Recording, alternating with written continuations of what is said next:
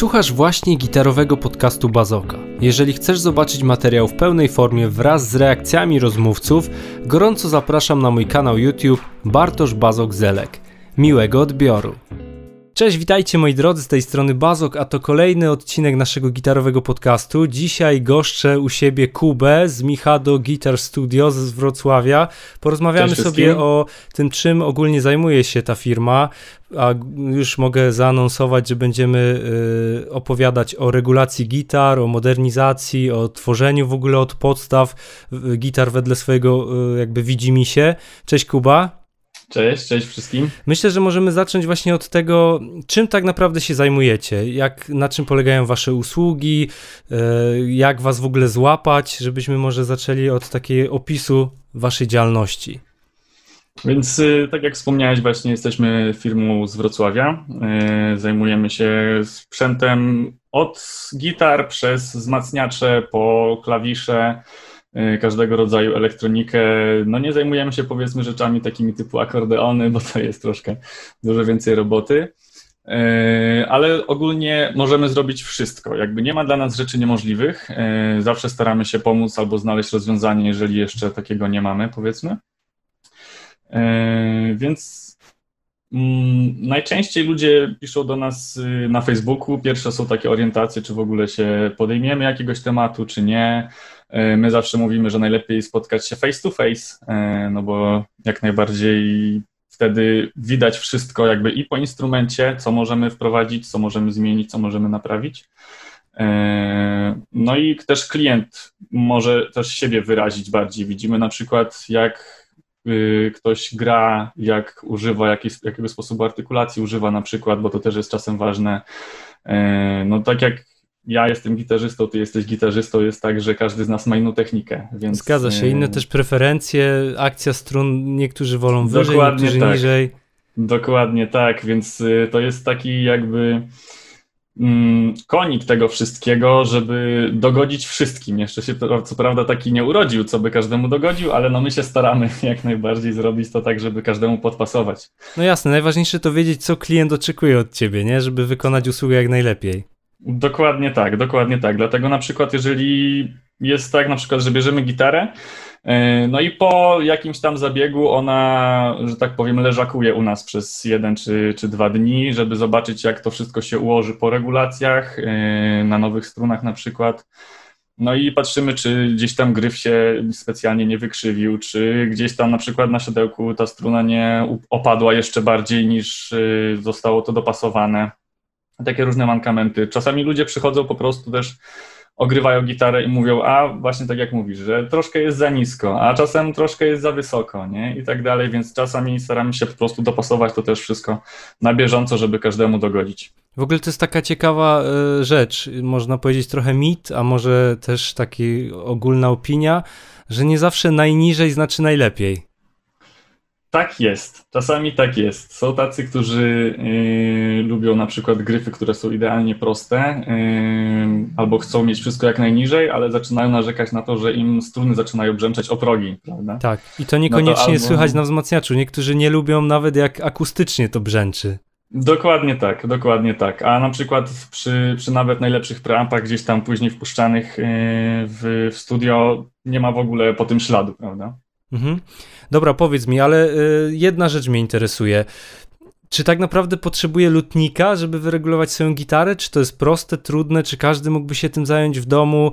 Y, nie mówię o jakiejś tam większej ingerencji, no ale powiedzmy, że mamy gitarę ze sklepu, która jest, wiesz, wyregulowana jak to ze sklepu, czyli rzadko kiedy jakiś sprzedawca w ogóle się tym zajmuje. Zresztą nie ma się co dziwić, bo tych gitar mają czasami kilkadziesiąt, kilkaset, w zależności wiadomo od wielkości sklepu.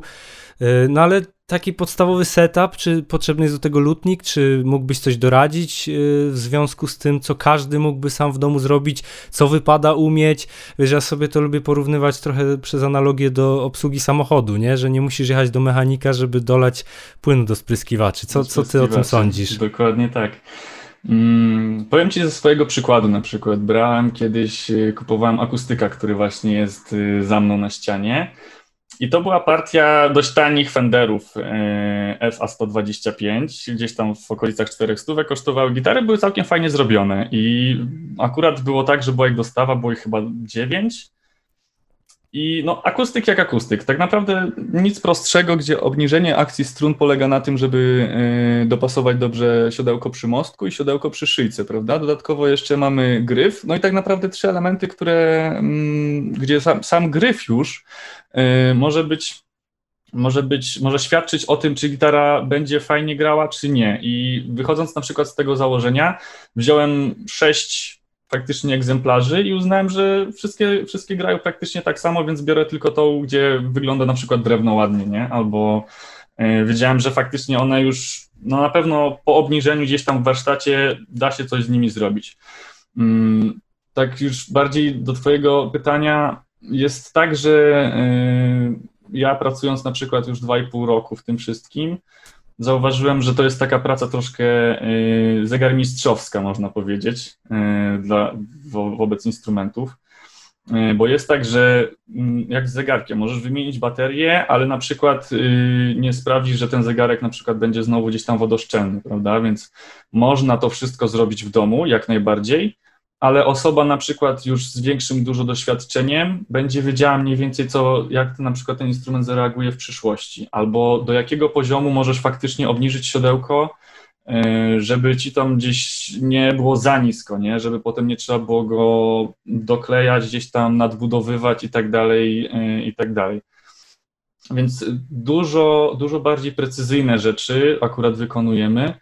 Yy, niemniej jednak wszystkie te rzeczy, które na przykład są opisywane w różnych filmikach na YouTubie, jesteśmy, jesteśmy w stanie zrobić przy, przy odpowiednich narzędziach, przy zestawie imbusów, yy, śrubokrętów i tak dalej. Jasne. Ogólnie masz jakieś takie porady, może jakieś też y, rzeczy, na które warto uważać, które są przesadzone, bo na przykład wydaje mi się, że e, panuje taki troszkę mit, odnośnie na przykład pręta regulacyjnego, że to trzeba bardzo delikatnie, w sensie wiadomo, no wszystko trzeba zrobić z umiarem, ale ludzie boją się czasami takich podstawowych prac, które można wykonać w domu z kluczami, które dostajesz tak naprawdę w futerale razem z gitarą, nie? Więc mm -hmm, czy mógłbyś mm -hmm. coś powiedzieć na temat takich podstawowych zabiegów, które każdy mógłby zrobić w domu bez, wiesz, doktoryzowania się? Wiadomo, że że jeżeli to ma być jakaś specjalistyczna robota, to lepiej mieć już jakieś doświadczenie w tej kwestii, a jeżeli gitara jest dla ciebie cenna, to lepiej ją oddać komuś, kto się na tym zna. Ale jakiś taki zestaw właśnie czynności, może coś byś powiedział, jakieś porady takie praktyczne z tym związane, mm, co można samemu zrobić w domu, nie bojąc się, że można popsuć. No na pewno, y, no tak jak mówisz, pręt. Pręt jest podstawą w ogóle do wszystkiego, i, więc możemy sobie, akurat mam literkę pod ręką, y, podstawą jest to, żeby wziąć go chociażby na pierwszym progu jachwy tam zawsze na 14 i patrzę mniej więcej w połowie, gdzieś tam w okolicach siódmego, co się dzieje. Y, Im bardziej pręt dotyka do strun, tym jest napięty, prawda? Jeżeli jest w drugą stronę, to powstaje nam banan, czyli jest, czy, czy łódka yy, i ten pręt jakby powinien iść idealnie wzdłuż struny. Struna nam robi jakby linię prostą i ten pręt powinien dochodzić jakby przy równych oczywiście progach wszystkich, powinien nam dochodzić coraz bardziej, coraz bardziej do, yy, do struny. Wtedy wiemy, że akcja będzie w miarę równa i odległość e, między struną właśnie a, a, a progami będzie rosła jak równomiernie i patrząc w stronę mostka. Więc to jest taka zupełna podstawa podstaw, y, bo jeżeli mamy pręt, który jest y, za luźny, jeżeli struny ciągną za bardzo gryf y, w swoją stronę, no to wtedy oczywiście akcja nam rośnie i, i gra się nam coraz, coraz bardziej ciężko, po prostu trudno. Jednocześnie yy, menzura nam nie stroi, no bo odległości się zmieniają, prawda? Nie, mhm. nie rośnie nam to wszystko symetrycznie, yy, tylko właśnie no przez to, że w środku jakby pręd działa, można powiedzieć, od progu zerowego bądź od pierwszego progu do dwunastego, od dwunastego mniej więcej dalej reguluje się bardziej już yy, wszystko na, na mostku. Jasne, to też warto wspomnieć, że pręt nie może być też idealnie prosty, bo struna jakby w, w, środku swojej długości ma największą amplitudę drgań, nie? Dokładnie Więc tak. trzeba znaleźć taki tak. sweet spot, kiedy macie niską akcję strun, ale jednak jeszcze dajecie tej strunie sobie normalnie wibrować, żeby nie było Tak, jakichś brzęczeń, jest- szczególnie na wzmacniaczu słyszalnych. To są części, części gdzieś tam yy, milimetra, także mm, no czasem się wydaje, że w ogóle nic nie ma. Czasami są gryfy, jeżeli gryf jest idealnie prosty, no to faktycznie można ustawić go naprawdę blisko i zostawić taki, taki delikatny po prostu odstęp. Yy, Czasami, no ja mam akurat właśnie w tej fletowej taki przypadek, gdzie gryf na początku jest prosty, a potem jest delikatny spadek, więc przód mam idealnie jakby dołączony do struny, można powiedzieć, a potem faktycznie sam powstaje gdzieś tam naturalny jakby, naturalna jakby odległość między nimi. Także każdy, każdy musi sprawdzić y, to dla siebie. No i tak jak mówisz, trzeba zobaczyć, czy faktycznie coś zaczyna brzęczeć, ewentualnie czy nie. Jeżeli wszystko działa nam poprawnie, no to będziemy mieli naprawdę malutki odstęp i wszystkie dźwięki będą wydobywane właśnie równomiernie, nie będzie gdzieś tam tak zwanych wilków, czyli że struna gdzieś tam nam zaczyna gasnąć y, mimowolnie i tak dalej. Wiesz co, jeżeli, jeżeli chodzi o tą regulację prętem, to bym powiedział jeszcze tyle, że rzeczywiście trzeba to robić delikatnie, ale też nie ma co przesadzać, typu nie wiem, jakąś ćwierć obrotu, sprawdzić co się dzieje. Ja ogólnie jestem fanem trochę prób i błędów, jeżeli chodzi o regulację. Nigdy nie mierzyłem tego w taki sposób, wiesz, że brałem jakiś szczelinomierz i sprawdzałem jaką mam odległość, tylko starałem się robić to na zasadzie, że kręcę troszkę, stroję gitarę, sprawdzam co się stało, jeżeli mogę jeszcze pokręcić, to kombinuję, aż dojdę do takiego na przykład miejsca, gdzie zaczyna brzęczeć, no i to jest dla mnie sygnał, żeby trochę cofnąć. Troszkę cofnąć, tak. I tak y, troszeczkę s, warto też zostawić, tak jak mówisz, na chwilę gitarę, żeby ona sobie poleżała, żeby to drewno popracowało, bo tam wiadomo, naprężenia się muszą fajnie wyrównać. Im bardziej chyba się y, ingeruje, no to tym więcej trzeba czasu też na to zostawić, nie? Żeby się uleżało, tak jakby. Dokładnie tak, dokładnie tak, dokładnie tak jak mówisz. I to, co jeszcze ja bym doradził z takiej powiedzmy podstawowej regulacji, no to żeby struny jednak mieć poluzowane przy kręceniu prętem. Zależy jaki macie tam y, pręt w y, swojej gitarze, ale czasami niektórzy lubią przegiąć z siłą albo nie wsadzą do końca tego klucza imbusowego i zajeżdżą gry, gwint. Tak, to z gwintem jest y, czasami taki problem, że y, faktycznie lepiej wsadzić do końca, jak to mówią. Y, Chociaż y, ja osobiście nie luzuję specjalnie strun, y, bo to są na tyle małe odległości, na tyle małe naprężenia, że czasami nawet ten strój jakoś specjalnie się nie zmienia, więc, bo to widać faktycznie po, stro, po strojeniu później, nie? Czy przy, na, przy naprężeniu gdzieś tam pręta o, no nie wiem, faktycznie 3-4 pełne obroty możliwości klucza, faktycznie gdzieś tam od lewej do prawej, czy od prawej do lewej, to się zmienia, ok, to faktycznie, ale jeżeli to są gdzieś tam małe korekty, no to y, też nie ma sensu luzować tych strun zupełnie do końca i potem napinać je, no bo znowu tracimy na żywotności samych strun. Nie? Jasne, jasne. Wydaje mi się, że to też zależy od w ogóle jak, o jakich strunach mówimy, o jakich strojeniach, no bo im macie grubsze struny, tym te naprężenia mogą być większe, nie? Dokładnie tak. Basy na przykład dużo bardziej reagują niż zwykłe gitary, o dziwo. Okej. Y, Dobra, więc y, mamy regulację pręta i ja ze swojej strony też mam takie spostrzeżenie, nie wiem czy się ze mną zgodzisz, że y, jeżeli brzęczy ci w dolnych pozycjach, chyba już nawet o tym wspomniałeś, to znaczy, że coś tam y, trzeba pokombinować z prętem, natomiast jeżeli w górnych pozycjach jest za wysoko albo za nisko, no to wtedy korygujemy mostek, tak? Mostek, tak, jak najbardziej tak. Wtedy czy siodełka, jeżeli mamy taki zwykły na przykład fenderowski mostek, e, czy jeżeli mamy na przykład Les Paula, gdzie jest Twinomatic, no to wtedy e, kręcimy śrubokrętem właśnie, bądź też e, palcami, bo to w zależności od tego mostka właśnie w górę lub w dół na czpieniach. No i wtedy należy pamiętać, że no, jest o tyle, można powiedzieć, prosty w obsłudze, że tam podnosi nam się od razu wszystko, prawda? Mhm. Czyli przy kręceniu na przykład od strony wiolinów, to na przykład basowa E zostaje nam mniej więcej w, w tej samej pozycji, a cała, cała reszta podnosi nam się do góry, nie? Mimo wszystko. Są jakieś takie mostki, których byś nie polecał dla początkujących gitarzystów? Wiesz co, yy, może Bixby? Okej, okay. no Bixby taki, szczerze mówiąc nawet nigdy nie miałem styczności jest, z regulacją takiego mostka. No, to jest, to jest taki czarny koń, można powiedzieć, według mnie, bo mm, raz, że jest ruchomy, ale mm, jest ruchomy, można powiedzieć, w dwóch miejscach. I w samym mostku, i w, w sensie strunociągu, jeśli chodzi, bo tam jest jakby od razu wajcha przymocowana i mostek jest ruchomy. E, więc oni tam troszkę przekombinowali, no bo masz trzy punkty jakby, yy, gdzie struna się rusza i przy siodełku na szyjce, i przy mostku, i przy strunociągu, więc um, utrzymanie tej gitary w stroju jest naprawdę, jest naprawdę ciężkie. Mhm. Um, a wszyscy jednak na początku, jeżeli gdzieś tam zaczynamy grać, chcemy, żeby to wszystko jakby było jak najprostsze w obsłudze. Um, więc to jest, to jest na pewno to Bixby. E, drugim takim mostkiem mógłby być. Kojarzę, że Floydy są niepolecane. Floydy, Jesteś... są, Floydy są niepolecane, ale to dla mnie jest to na przykład jeden z najlepszych e, systemów w ogóle, bo jest podwójnie blokowany.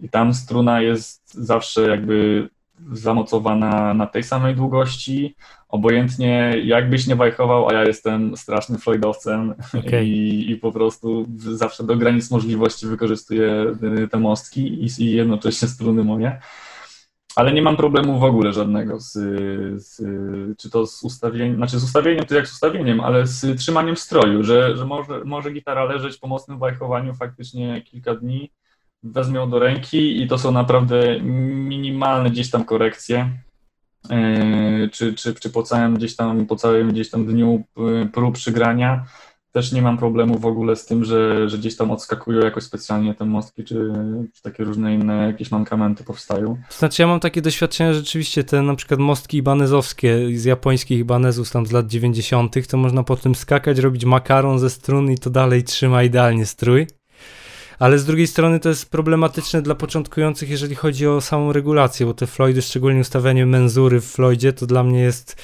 totalna porażka i, i frustracja. Pewnie jak się ma doświadczenie i się to robi na co dzień, to są jakieś haki na to, żeby to przyspieszyć, albo się ma już większe wyczucie w tym, nie? To znaczy, gitary z Floydem najbardziej polecałbym ludziom, którzy mają już yy, wybrane wszystko. To znaczy, wiedzą na jakich strunach lubią grać, wiedzą do jakiego stroju będzie ta gitara przeznaczona. I tak naprawdę wtedy wychodzi tylko na to, żeby wymienić struny co jakiś czas, yy, jeśli przychodzi już ich czas, yy, jakby żywotności. I tyle. I ta gitara jakby będzie służyła konkretnie do jednego celu. Jeżeli szukamy czegoś, że jeszcze nie wiemy na przykład, czy lubisz grać na dziewiątkach strunach, czy na dziesiątkach, a może chcesz zejść na przykład sobie do D i grać na jedenastkach y, i cały czas gdzieś tam kombinujesz z tym wszystkim, no to spróbuj bardziej ze stałym mostkiem, gdzie tą menzurę będziesz mógł sobie szybciej wyregulować, no i ustawić oczywiście też akcję przy okazji, gdzie to cały ten, mm, że tak powiem, maintenance będzie dużo prostszy i dużo szybszy. No bo faktycznie jest tak, że żeby ustawić Floyda, no to potrzeba troszkę wprawy, ale jakby no moje doświadczenia są takie, że ten mostek jakby zwraca to, ten czas włożony w niego. Okej, okay, no w sensie zgadzam się z tobą w 100%, ale jeszcze mam takie pytanie, bo na pewno regulując gitary, to masz w łapach sprzęt z różnych półek, nie? Że masz gitary mhm. pewnie za 700 do 1000 zł, masz gitary za 2,5 i możliwe też na pewno, że się trafiają jakieś y, wiosła Gibsony za dyszkę, z 78 nie? na przykład. Tak? No, ostatnio takie były. I powiedz mi, bo ja przynajmniej mam takie zdanie, nie wiem czy się ze mną zgodzisz, ale wydaje mi się, że im tańsza gitara, tym trzeba bardziej w stronę stałego mostka iść. Tutaj jakby mówię o początkujących gitarzystach i o tym, co mogą sobie wybrać na start, że jednak e, Floydy do pewnego pułapu cenowego są w ogóle nie warte zachodu. Trochę tak, trochę tak jak mówisz. E, powiedziałbym nawet, żeby poszukać gitar, które są sprawdzone, ale które są jakby, no z jednej strony zawsze szukamy takich pewniaków, nie? Jeżeli coś nam nie podpasuje, no to z jednej strony możemy ewentualnie później gdzieś tam opchnąć dalej, że tak powiem, a z drugiej strony może być to fajna zajawka, bo, bo mamy coś, coś podstawowego. Yy, ostatnio kolega właśnie też prosił mnie o to, żeby mu coś znaleźć. I tak jak mówisz, stały mostek, faktycznie, dwa humbuckery, yy, i mówię, idź na przykład w Ibaneza, bo też pracowałem akurat w sklepie muzycznym kilka lat temu. I Ibanez y, poszedł w taką, y, można powiedzieć, stronę, że wypuszczają gitary do 1000 zł, które jakby technicznie są do ustawienia jak te y, robione w custom shopach w Japonii na przykład. I wiesz, akcja strun jest dokładnie, można powiedzieć, na tym samym poziomie, wszystko się w nich zgadza, a to, że, no nie wiem, zostało użyte inne drewno, albo ma napis Indonezja, albo te pick-upy nie grają jeszcze tak fajnie, jakbyśmy chcieli, no to jest troszkę inna kwestia, więc żeby na przykład nie zabić, to, wydaje mi się, że to chodzi o to, żeby nie zabić właśnie zajawki na początku, żeby to wszystko jakby było od początku miękkie dla palców, jak najłatwiejsze dla techniki, no i wydaje mi się, że coś takiego, coś takiego bym poszedł właśnie. Jak, naj, jak najprostsze brzmienia, ewentualnie no faktycznie układ HSH, mm, żeby coś się pobawić właśnie z, tymi, z tymi singlami. Ale no tak, no stałe mostki jak najbardziej i, i jak najlepsza, można powiedzieć, technicznie zbudowana gitara. A masz jakieś jeszcze inne pewniaki, które mógłbyś polecić yy, ludziom, którzy szukają sprzętu, a nie mają, wiesz, żadnego punktu odniesienia?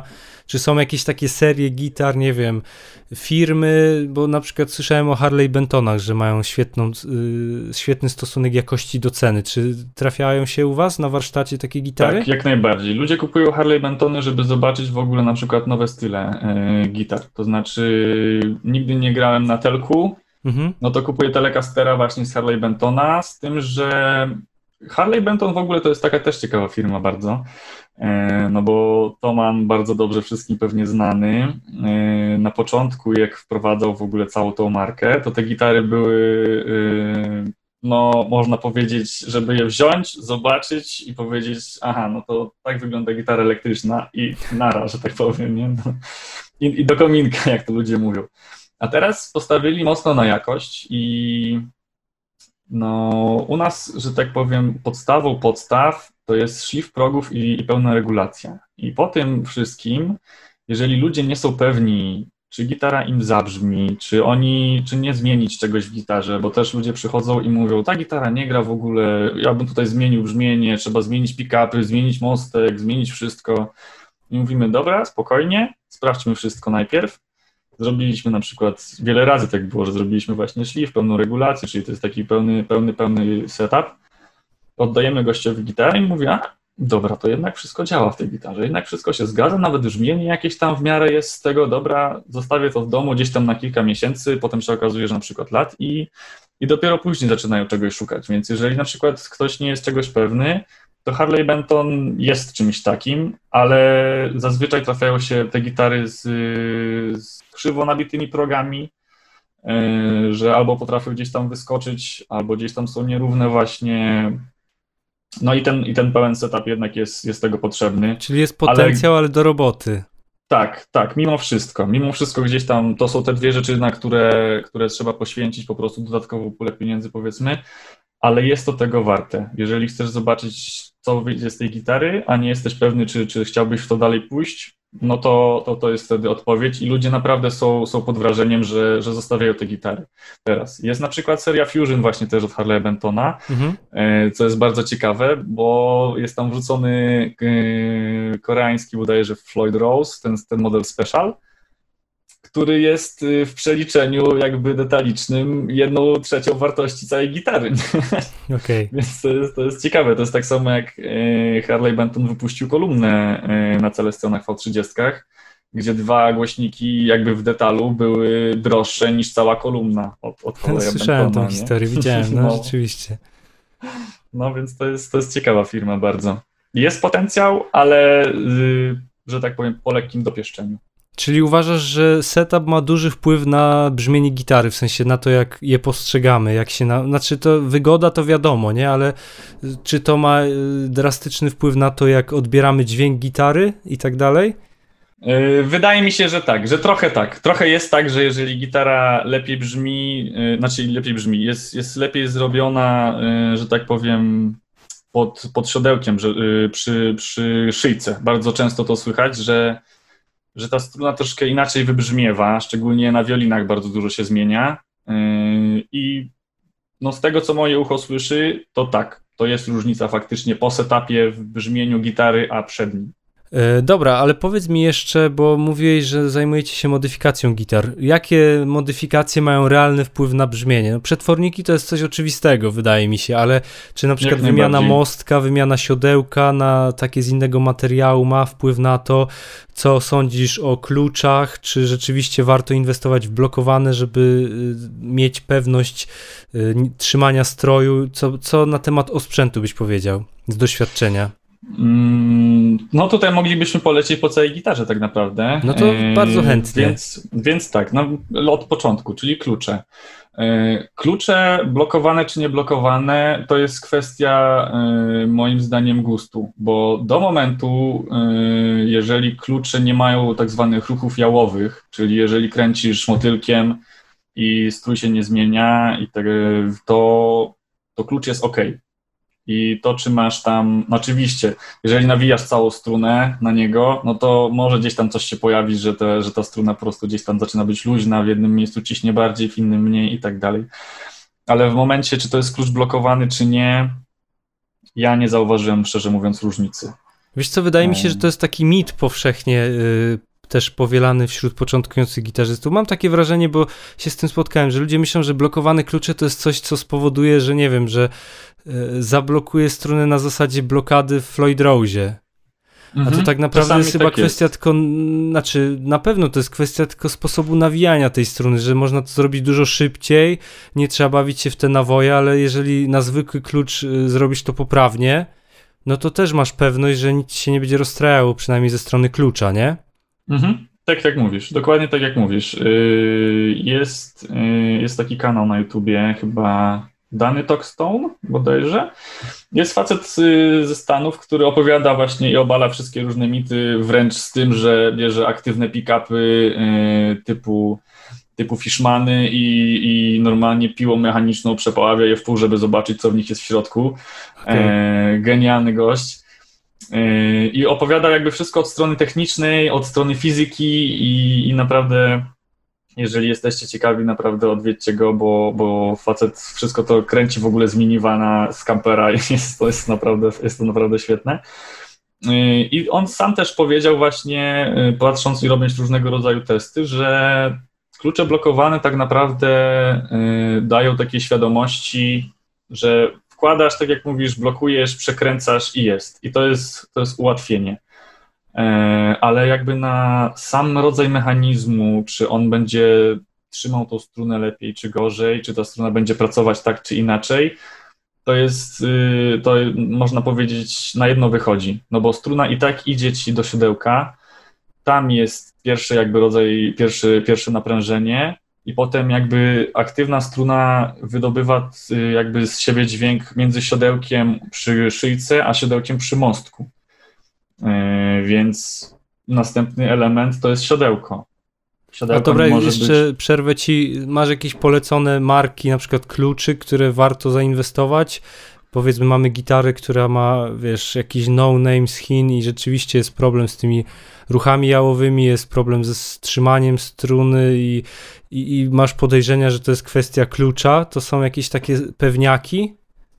Wiesz co, jeżeli miałbym lecieć po firmach, y, to osobiście jestem bardzo fanem Gotoha. Y, we wszystkich praktycznie gitarach, które wkładałem sam od siebie i, i klientom, jakbym miał polecać, to, są, to, to Goto po prostu rozwala system. Mhm. Y, przejechałem się kilka razy na spercelach, na przykład. Mm, są klucze chociażby hipshota, które są bardzo fajne do, do niskich strojów, do grubych strun, bo, bo otwory po prostu w kluczach mają, mają większe na przykład niż goto. Yy, klusony gibsonowskie ludzie potrafią czasem zrobić lepiej, czasem zrobić gorzej, yy, więc to tak różnie bywa z nimi. Yy, co tam jeszcze takiego jest? E, ostatnio z, z moim serdecznym kolegą Krzysiem Błasiem e, zamawiamy całą masę części z AliExpress na przykład i o dziwo trafiamy też na przykład na firmę Guiker, która e, po przyjściu do nas mm, dostała, znaczy dostaliśmy paczkę, w której klucze były jakby z opakowania też po gotochu, więc zaczęliśmy snuć teorię, że skoro na przykład firma Wilkinson jest gdzieś tam pod grupą chińską Gotocha, i jakoś tam tańszym odpowiednikiem, no to może właśnie ta, ten Guiker to jest y, OM faktycznie dla Wilkinsona, prawda? I jednocześnie mhm. robią dla siebie. I klucze o dziwo na przykład w stosunku 21 y, do 1 fenomenalne. Za cenę powiedzmy gdzieś tam 100, chyba 40 zł, albo, albo gdzieś tam koło stówki, masz blokowane klucze naprawdę, naprawdę bardzo dobrej jakości. Okay. Yy, więc, a, a normalne na przykład gdzieś tam firmówki kosztują około, około 4 stówek fenderowskie, widziałem ostatnio też tam gdzieś tam za 560 chyba złotych. Więc yy, no tak, z mojej, z mojej perspektywy jakby go to, go to rządzi na rynku, ale no to, co zobaczyliśmy właśnie w tym Guikerze, to po prostu też nam rozwaliło czachy. Czyli warto czasami pogrzebać. Dokładnie tak, dokładnie tak. Jeżeli to jest y, cena po prostu taka, która warto, warto poczekać na to chwilkę, zobaczyć, czy faktycznie będzie to, będzie to coś działało. I wydaje mi się, że, że, że ma to ręce i nogi. No myśmy się przekonali, no Krzysiek też nie jest pierwszym lepszym gitarzystą, można powiedzieć. E, no i jeżeli on mówi, że coś faktycznie działa, to ja mu też ufam w 100%. Okej. Okay. Dobra, to przechodzimy do kolejnego elementu, czyli do siodełka.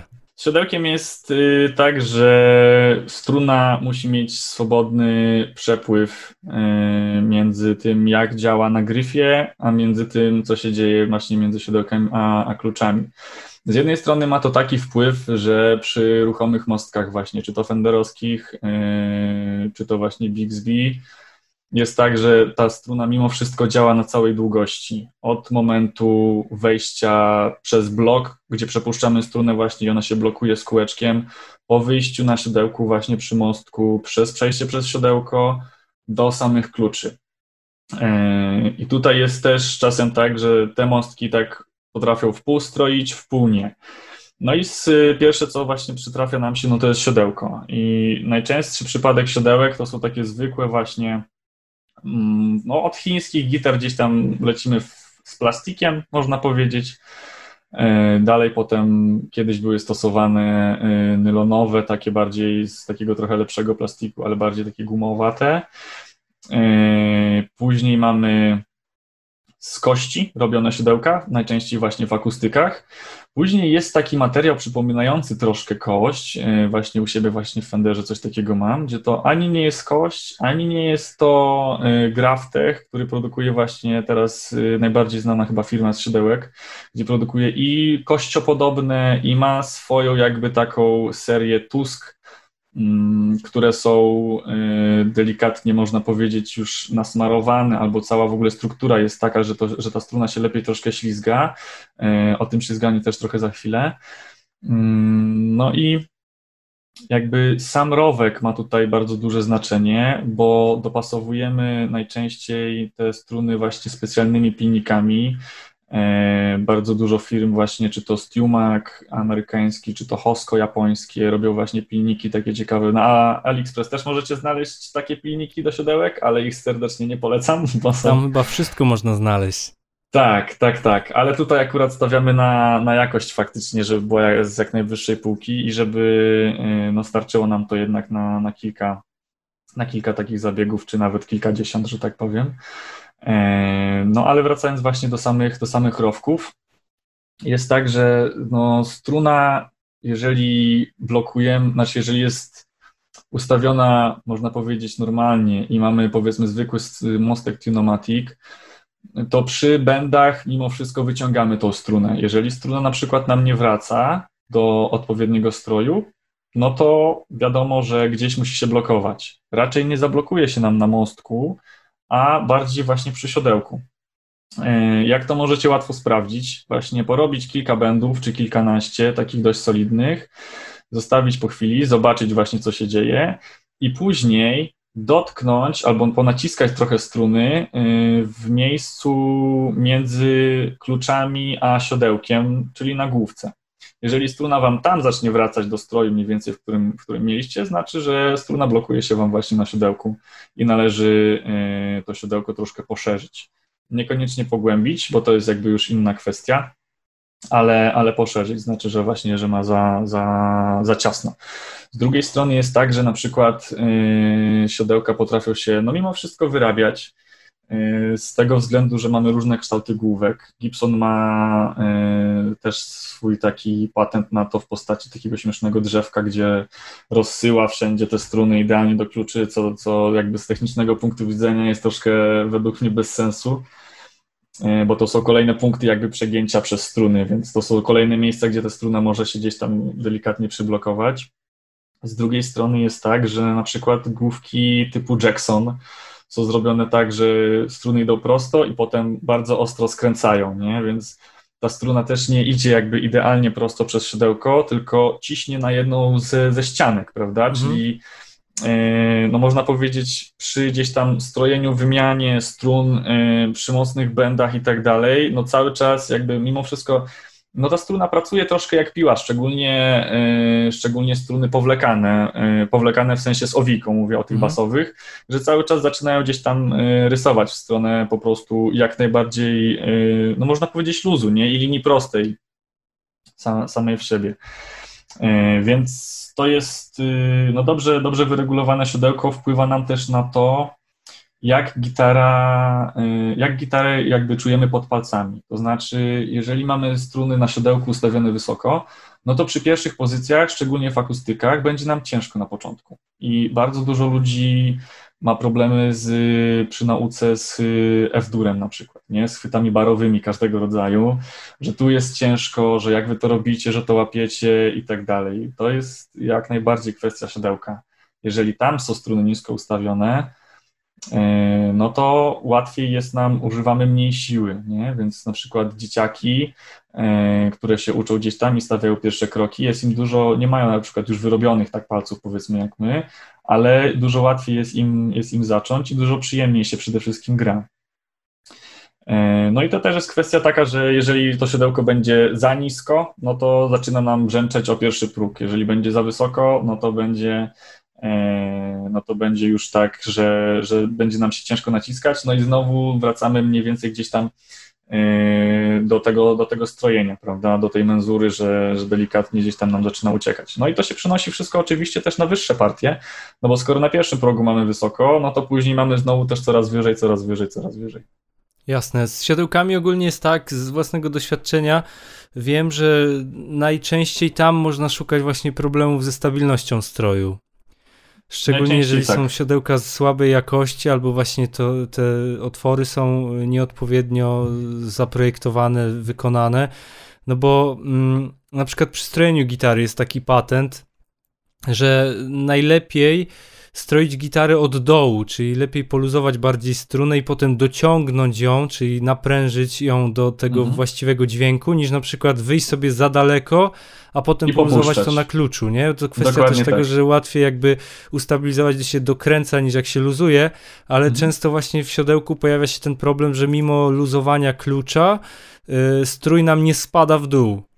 Dokładnie tak, dokładnie tak. Za każdym razem gdzieś tam, jeżeli chcemy dostroić gitarę, no, za każdy, no dos, przy dostrojaniu jakimkolwiek w ogóle, jest tak, że lepiej poluzować właśnie i dostroić, dociągnąć tą strunę niż, niż drugą stronę, nie? Bo nie wiadomo właśnie, czy gdzieś tam się nam nie przyblokuje, yy, czy na pewno jesteśmy w odpowiednim dźwięku i tak dalej, więc no, tak jak mówisz, dokładnie jest tak jak mówisz.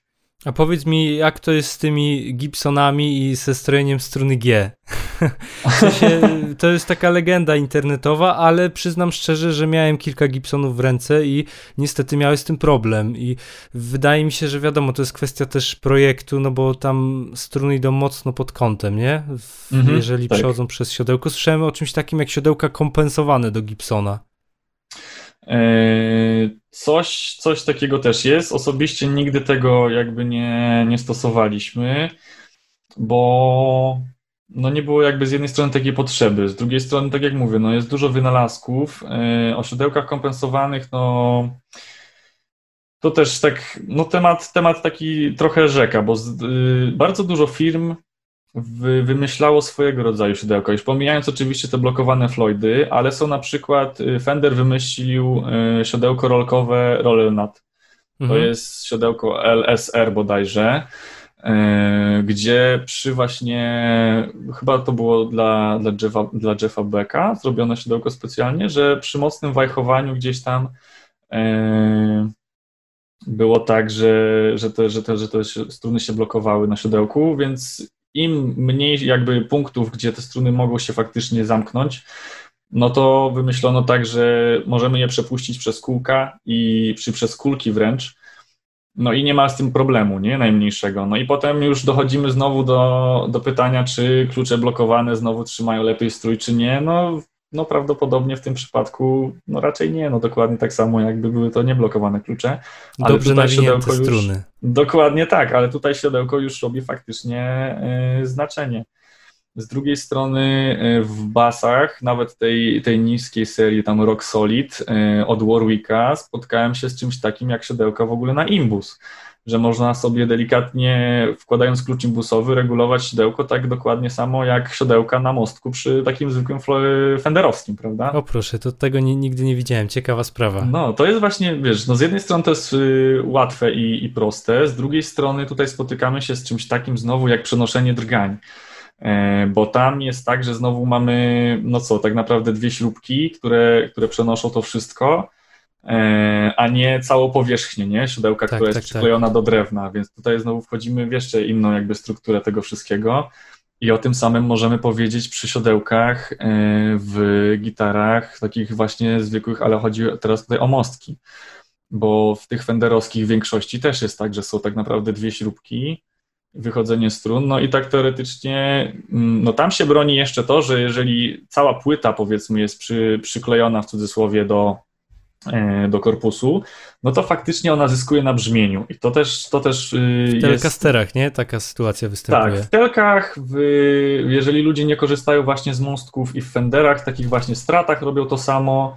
Y, I faktycznie jest różnica. Jeżeli cała płyta mocno przylega do korpusu, to faktycznie gitara dużo lepiej gra z dechy. I to wiele razy się z tym spotykaliśmy. A z drugiej strony, na przykład, naprzeciw temu wyszedł y, gość Babicz właśnie też założyciel firmy Babicz, e, który wymyślił siodełka tak zwane full contact.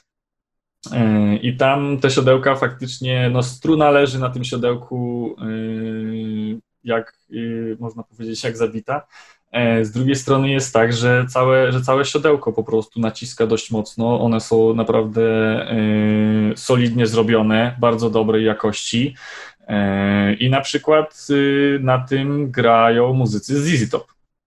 Okej. Okay. Chociażby. No. I mają to właśnie, i Billy Gibbons ma to w gitarze normalnej swojej właśnie i, i, w, i w basie też tego używają. Czyli to jest jakiś taki patent, nie? Jakby modyfikacja gitary, która może tak. wpłynąć pozytywnie na sustain, na takie rzeczy. Tak, tak, tak, tak, tak, dokładnie tak. Mhm. To A jest, powiedz mi jeszcze, co sądzisz o e, smarowaniu siodełka e, ołówkiem na przykład? Pomaga to, czy to jest tylko taki mit forumowy? Tutaj, tutaj akurat ostatnio zaczęliśmy robić testy, y, bo też korzystamy z różnych środków, że tak powiem, własnej produkcji.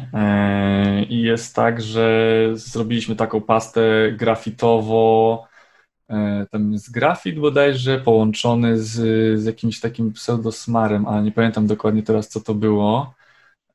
Nie zdradzajmy, bo to jest jak receptura jest taka, KFC na pewno. Tro, trochę tak. Ale są tam właśnie dwa główne składniki, właśnie między innymi jest tam grafit. Yy, I no jest to taka, że tak powiem, maziaja, yy, którą ja nakładam właśnie od jakiegoś czasu właśnie na, na siodełka w fenderkach różnych. Yy, I to działa. O dziwo to działa, faktycznie. Więc no to jest jakby mniej więcej działa to na zasadzie właśnie tego, tego Fendera SLR, nie? Właśnie tego siodełka rolkowego. E, że struna ma jak dużo większy poślizg, e, no i tak to mhm. wiesz, mniej więcej wymyślił, e, wymyśliła firma Graftech, że mają właśnie te, te tuksy swoje i mają tak samo też napisane właśnie, że są z dodatkiem gdzieś tam grafitu właśnie dla lepszego poślizgu, żeby te struny się tam nie blokowały. Więc y, tak, działa, ogólnie rzecz biorąc. No, działa. Wiesz co, ja jeszcze zauważyłem, na przykład kiedyś miałem przyjemność regulować kumplowi Fendera amerykańskiego, że na stabilność stroju, wiesz co wpłynęło? Wyciągnięcie strun z tych drzewek, które tam podtrzymują.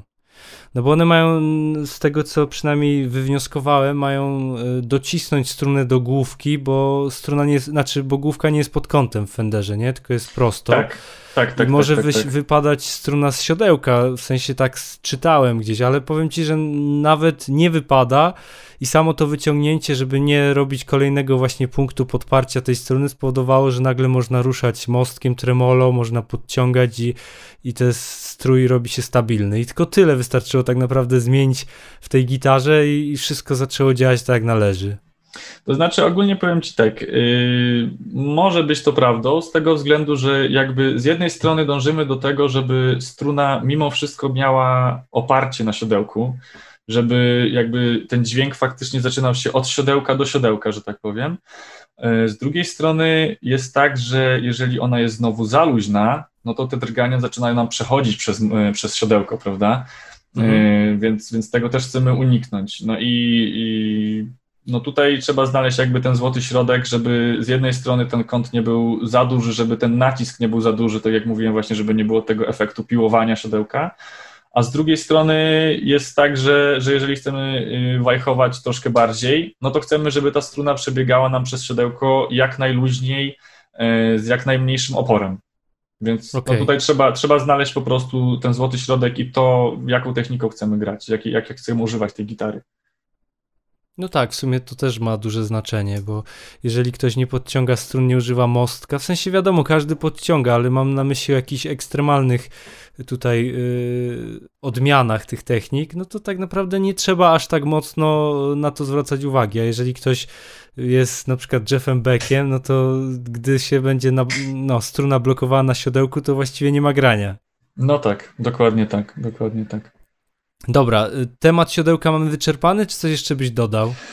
Yy, no pomijając oczywiście te floydowskie, prawda, gdzie mamy faktycznie już zablokowanie wszystkiego na amen yy, i jakby klucze też odgrywają, że tak powiem, troszkę marginalną rolę yy, tego wszystkiego, bo, bo można by je odciąć i mieć headlessa równie mhm. dobrze. No, tak. no, ale no tak, no mamy chyba wszystkie, wszystkie rodzaje siodełek chyba za sobą. Wiesz co jeszcze chciałbym cię zapytać, czy to ma wpływ na brzmienie, siodełko? Siodełko. Yy, polecam bardzo film na przykład yy, z występu yy, właśnie Paula Rida Smitha z TEDxu, bo on tam wziął kilka rodzajów siodełek, faktycznie odbija o, o, o tą samą powierzchnię. I faktycznie jest różnica. Skoro jest różnica słyszalna w tym, jak ono odbija się, to znaczy, że ma inną strukturę. Jeżeli ma coś innego, inną strukturę niż coś innego, no to ma inne brzmienie faktycznie. Więc, więc też to się zmienia. To jest tak samo dokładnie jak z drewnem. Każde drewno ma inną strukturę, machoń ma inną strukturę, wiesz, jesion, gdzieś tam klon, topola i tak dalej, to wszystko ma inną strukturę. Inaczej te, te, to drzewo po prostu, znaczy te fale jakby yy, przenoszą znaczy są przenoszone przez odpowiedni środek, prawda? Czyli właśnie yy, czy to siodełko, czy to właśnie drewno i tak dalej. Więc no oczywiście, że ma znaczenie, jasne, że tak. Dużo chińskich siodełek są na przykład yy, tylko z zewnątrz ładnie wyglądające, a w środku są zupełnie puste. No. Więc yy, wymiana na takie pełnoprawne siodełko, które jest zrobione z całego bloku, można powiedzieć, no ma, ma, to nie są oczywiście jakieś tam super znaczące wpływy, E, szczególnie w elektrycznych gitarach, ale tak, ma to znaczenie, jak najbardziej, oczywiście. Jasne, w ogóle też polecam ten wykład, bo Paul to jest straszny geek, jeżeli chodzi o, o, o tematy lutnictwa i nawet fajnie go posłuchać przez to, z jaką pasją o tym wszystkim mhm. mówi. Wiesz, gość rzuca siodełkami, się ekscytuje tym, jakie siodełko ma brzmienie od upadku na podłogę. To, to jest w ogóle inny stan świadomości. No, coś, coś w tym jest. no. E, dobra, to co? Dalsze części to będą progi pewnie, jeżeli mówimy o sprzęcie. Możemy lecieć na przykład po progach, jak najbardziej. Jeżeli mamy takie, takie elementy, to tak. E, lecimy po progach. W takim razie, no progi są z jednej strony mamy różne domieszki progów, czyli możemy mieć właśnie zwykłe niklowane i tych niklowanych jakby najbardziej popularnych jest też cała masa, bo są, jedne są softy, inne są hardy, jedne są z domieszku gdzieś tam srebra, E, ostatnio widziałem nawet tytanowe progi e, za, za nie wiadomo jakie pieniądze. E, są stalówki, oczywiście.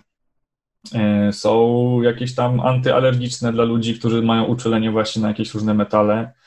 Mm, one też oczywiście jak najbardziej mają, mają wpływ na to, jak gitara brzmi, no bo to jest y, jakby przesunięcie siodełka, prawda? Jeżeli siodełko mamy czyste zupełnie na przykład, y, no chociażby jak we Floydzie, i jest metalowe, no to następny po prostu, mimo wszystko, że to wszystko też jest gdzieś tam zrobione z metalu, będzie brzmiało bardzo podobnie do tego, co mamy na otwartych strunach.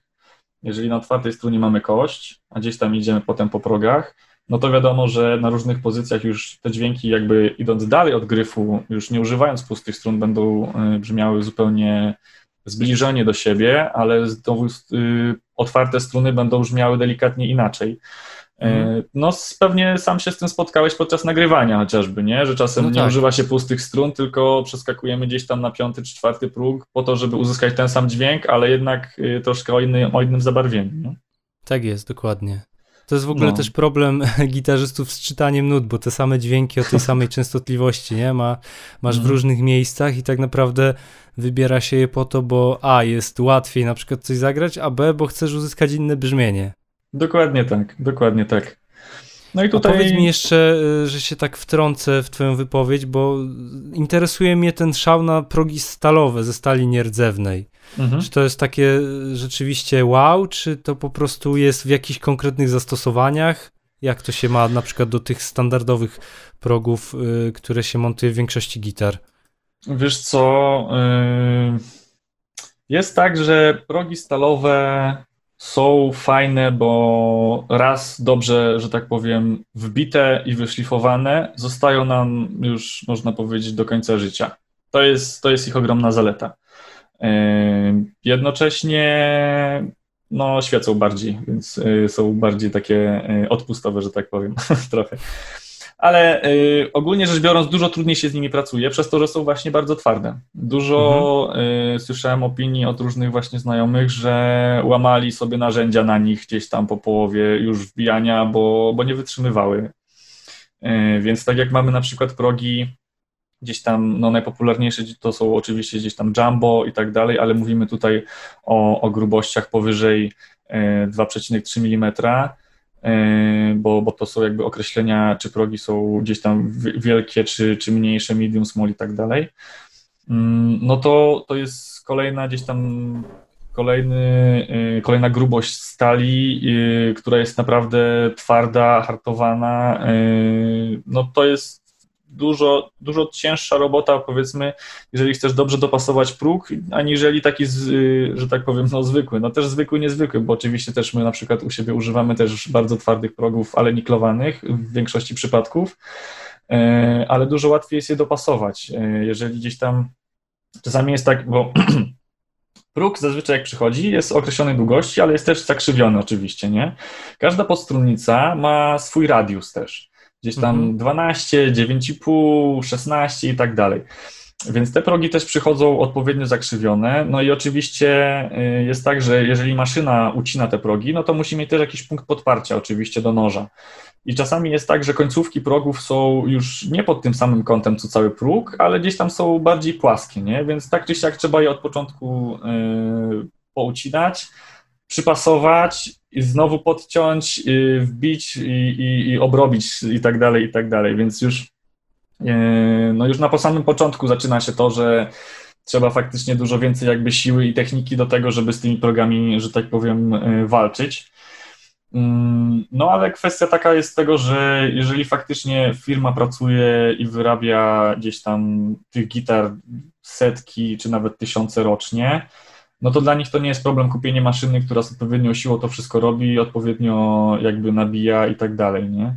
Co innego, gdzie my y, robimy wszystko ręcznie, y, łącznie z frezowaniami wszystkimi, gdzieś tam z korpusami, malowaniami. U nas nie ma specjalnie komputerowych rzeczy, tylko gdzieś tam y, realne, normalnie wiertarki, wkrętarki, frezarki i tak dalej mhm. więc u nas jest 100% handmade, no to to wszystko jest jakby y, taka robota kowala, że tak powiem, nie? I to, i to ma faktycznie też znaczenie. Jasne, czyli plusem na pewno jest trwałość, minusem obróbka, czyli jeżeli byście chcieli sobie je nabić u, w jakimś serwisie, no to musicie więcej zapłacić. Bo to zazwyczaj tak, zazwyczaj tak jest, bo to jest po prostu więcej pracy faktycznie włożonej. Mhm. A brzmienie, jest jakaś różnica między stalowymi a na przykład niklowanymi? Są, mm, to, to dalej są takie subtelne bardzo różnice, ale jest tak, że są trochę głośniejsze, trochę bardziej akustycznie brzmiące, No i ludzie zastanawiają się czasem, a może stalówki, ja sam też się ostatnio zastanawiam, a może bym sobie mhm. złożył stalówki do gitary. No i z jednej strony strasznie to kusi, bo to jest coś takiego troszkę innego, no ale pytanie, co z tej gitary chcemy osiągnąć, nie? Czy czego nam brakuje? Jeżeli nam brakuje faktycznie tego, że ona by, żeby ona była głośniejsza w sensie takim akustycznym, bo nie podpinamy jej za bardzo do pieca, no to, to też nie jest oczywiście jakaś tam super różnica, ale będzie, oczywiście. E, będą troszkę jaśniejsze, jak najbardziej, e, ale to brzmienie będzie takie no, metalowe, można powiedzieć takie delikatnie chłodne, nie? Jak to mówimy, mhm. że brzmienie może być ciepłe albo zimne. No to, no tu, tak. będzie, to tu będzie troszkę zimniejsze te deskryptory w ogóle brzmienia mnie rozwalają. Są niektórzy, którzy się tak potrafią tym świetnie posługiwać. Jakieś dzwoneczkowe, szkliste, perliste. Tak, tak, tak, tak. Jak się czyta portale branżowe albo gazety jakieś z recenzjami, to tam po prostu określeń można łapać i potem tylko wykorzystywać, ale do końca nawet nie wiadomo o co chodzi, nie? No można by słownik w ogóle zrobić, taki gitarowy faktycznie, tak, jakie może być brzmienie i potem zrobić faktycznie taki techniczny opis. A mieści się w przedziale częstotliwości od tej do tej. Tak, tak, tak, tak, bo no. fajnie się to czyta, taki kwiecisty język, ale nie ma nigdzie standaryzacji, co to tak naprawdę znaczy. Tak, tak, tak. No, większość z nas rozpoznaje szklankę fenderowską, ale y, jeżeli ma gdzieś usłyszeć ją gdzie indziej w innym wzmacniaczu, no to też tak trochę ciężko, nie? Potem. No tak, tak. Wiadomo, że też wszystko ma wpływ na brzmienie, nawet sam sposób uderzenia struny, nie? Więc. Dokładnie tak. Dokładnie żeby grać tak. jak Jimi Hendrix, to nie wystarczy sobie kupić jego sprzęt, znaczy sprzętu y, odpowiadającego temu, którego on używał, ale też trzeba mieć odpowiedni technikę grania i tak dalej, nie? Mhm. Ale słuchaj, czyli mówisz, że ogólnie stalowe progi spoko, ale że to nie jest, że to jest lepsze rozwiązanie, po prostu znowu inne i też y, dla konkretnych zastosowań.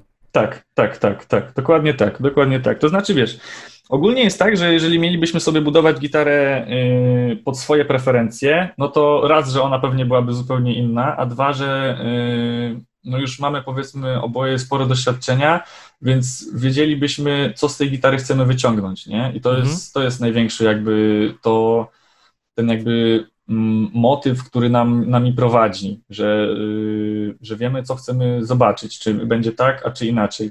Oczywiście, no jest cała masa ludzi, którzy, a zmieniamy to, żeby tylko zmienić i zobaczyć, jak najbardziej, ale jeżeli yy, jest jakiś konkret, który chcemy osiągnąć, no to jest nam wtedy dużo łatwiej decydować. To jest, to jest bardzo fajne, nie? że im dłużej się siedzi jakby w tym wszystkim, tym poznaje się dużo więcej jakby szkopułów, y, jakichś tam mankamentów różnych, y, czasami zaskoczeń, że coś takiego może tak brzmieć, albo to brzmi inaczej. Y, to jest to, co ja bardzo cenię w tym zawodzie, że no, przez ręce przewala mi się gdzieś tam rocznie około 400 gitar, i, i można faktycznie ogarnąć sobie, a teraz to, a teraz tamto, a teraz właśnie, a tu zastosowali takie rozwiązania, a tutaj to siodełko brzmi tak, a tutaj to samo siodełko brzmi zupełnie inaczej, nie? Mhm. I tak, yy, no jest, jest w czym wybierać, można powiedzieć, I, i czasami też aż z ciekawości robię zdjęcia różnym rzeczom, żeby potem przypomnieć sobie, aha, tutaj wykorzystano takie rozwiązanie, może też bym je gdzieś zastosował, a to mogę pokazać klientowi, nie, że akurat ma ten sam problem albo coś go tam gdzieś zafascynowało.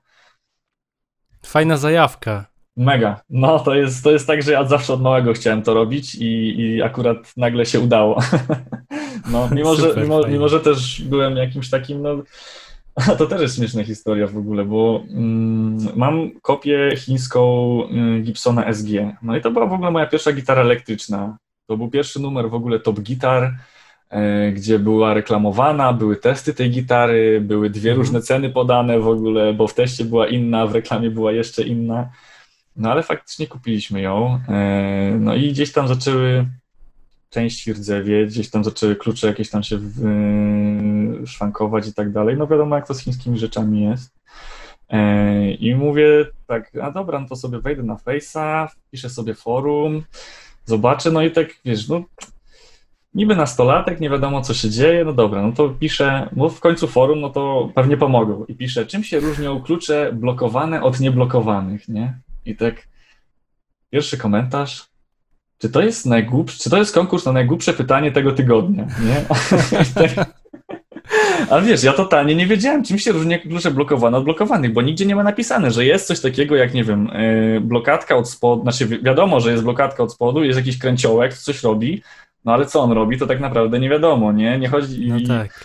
I z jednej strony ma, ma motylek, którym nakręcasz, no ale z drugiej strony ma coś tam jeszcze. No i nie ma nigdzie napisane, że on faktycznie zaczyna za, za, zamykać tą strunę właśnie na trzpieniu i możesz sobie ją odciąć szybciej i, zas, i zasada działania jest taka sama. Ja myślałem zupełnie co innego, nie? I, że, że to jest jakaś czarna magia, że, że nie wiem, wkładam i może się samo odetnie, a może nie, a może w ogóle, no, no naprawdę. Napisz no, na forum mówili, tak, pomogą ci. Pomogą mówili. ci, no właśnie, nie? Czekaj, zrobimy teraz cięcie i będziemy Jasne. dalej gadać. Dobra, ale jak już jesteśmy przy temacie progów, to może powiemy coś o podstrunicach, bo to jest bardzo częsty wątek, który pojawia się na przykład na grupach gitarowych, w komentarzach pod moimi filmami. Mhm. Interesuje mnie to, jak dbać o to w najlepszy możliwy sposób, czy jakichś środków używać. Jeden z patronów zapytał o y, lakierowaną klonową podstrunicę, ale fajnie jakbyś tak szerzej opowiedział w ogóle o, o metodach pielęgnacji, kiedy to robić, jakimi środkami i tak dalej. No dobra, no y, to co nam, najbardziej się rzuca nam w oczy, no to, że podstrunica jest z drewna albo jasnego, albo ciemnego. Yy, więc ciemne yy, drewna wszystkie możemy jakby czyścić środkami właśnie typu olejki danlopowskie, czy my też właśnie robimy swoje olejki specjalne właśnie do, do, ciemnych, do, do ciemnego drewna wydobywając jednocześnie, znaczy z jednej strony nawilżając to, to drewno delikatnie, e, z drugiej strony e, wydobywając troszkę koloru, e, no i pod palcami to drewno troszkę jakby inaczej pracuje, inaczej inne jest odczucie.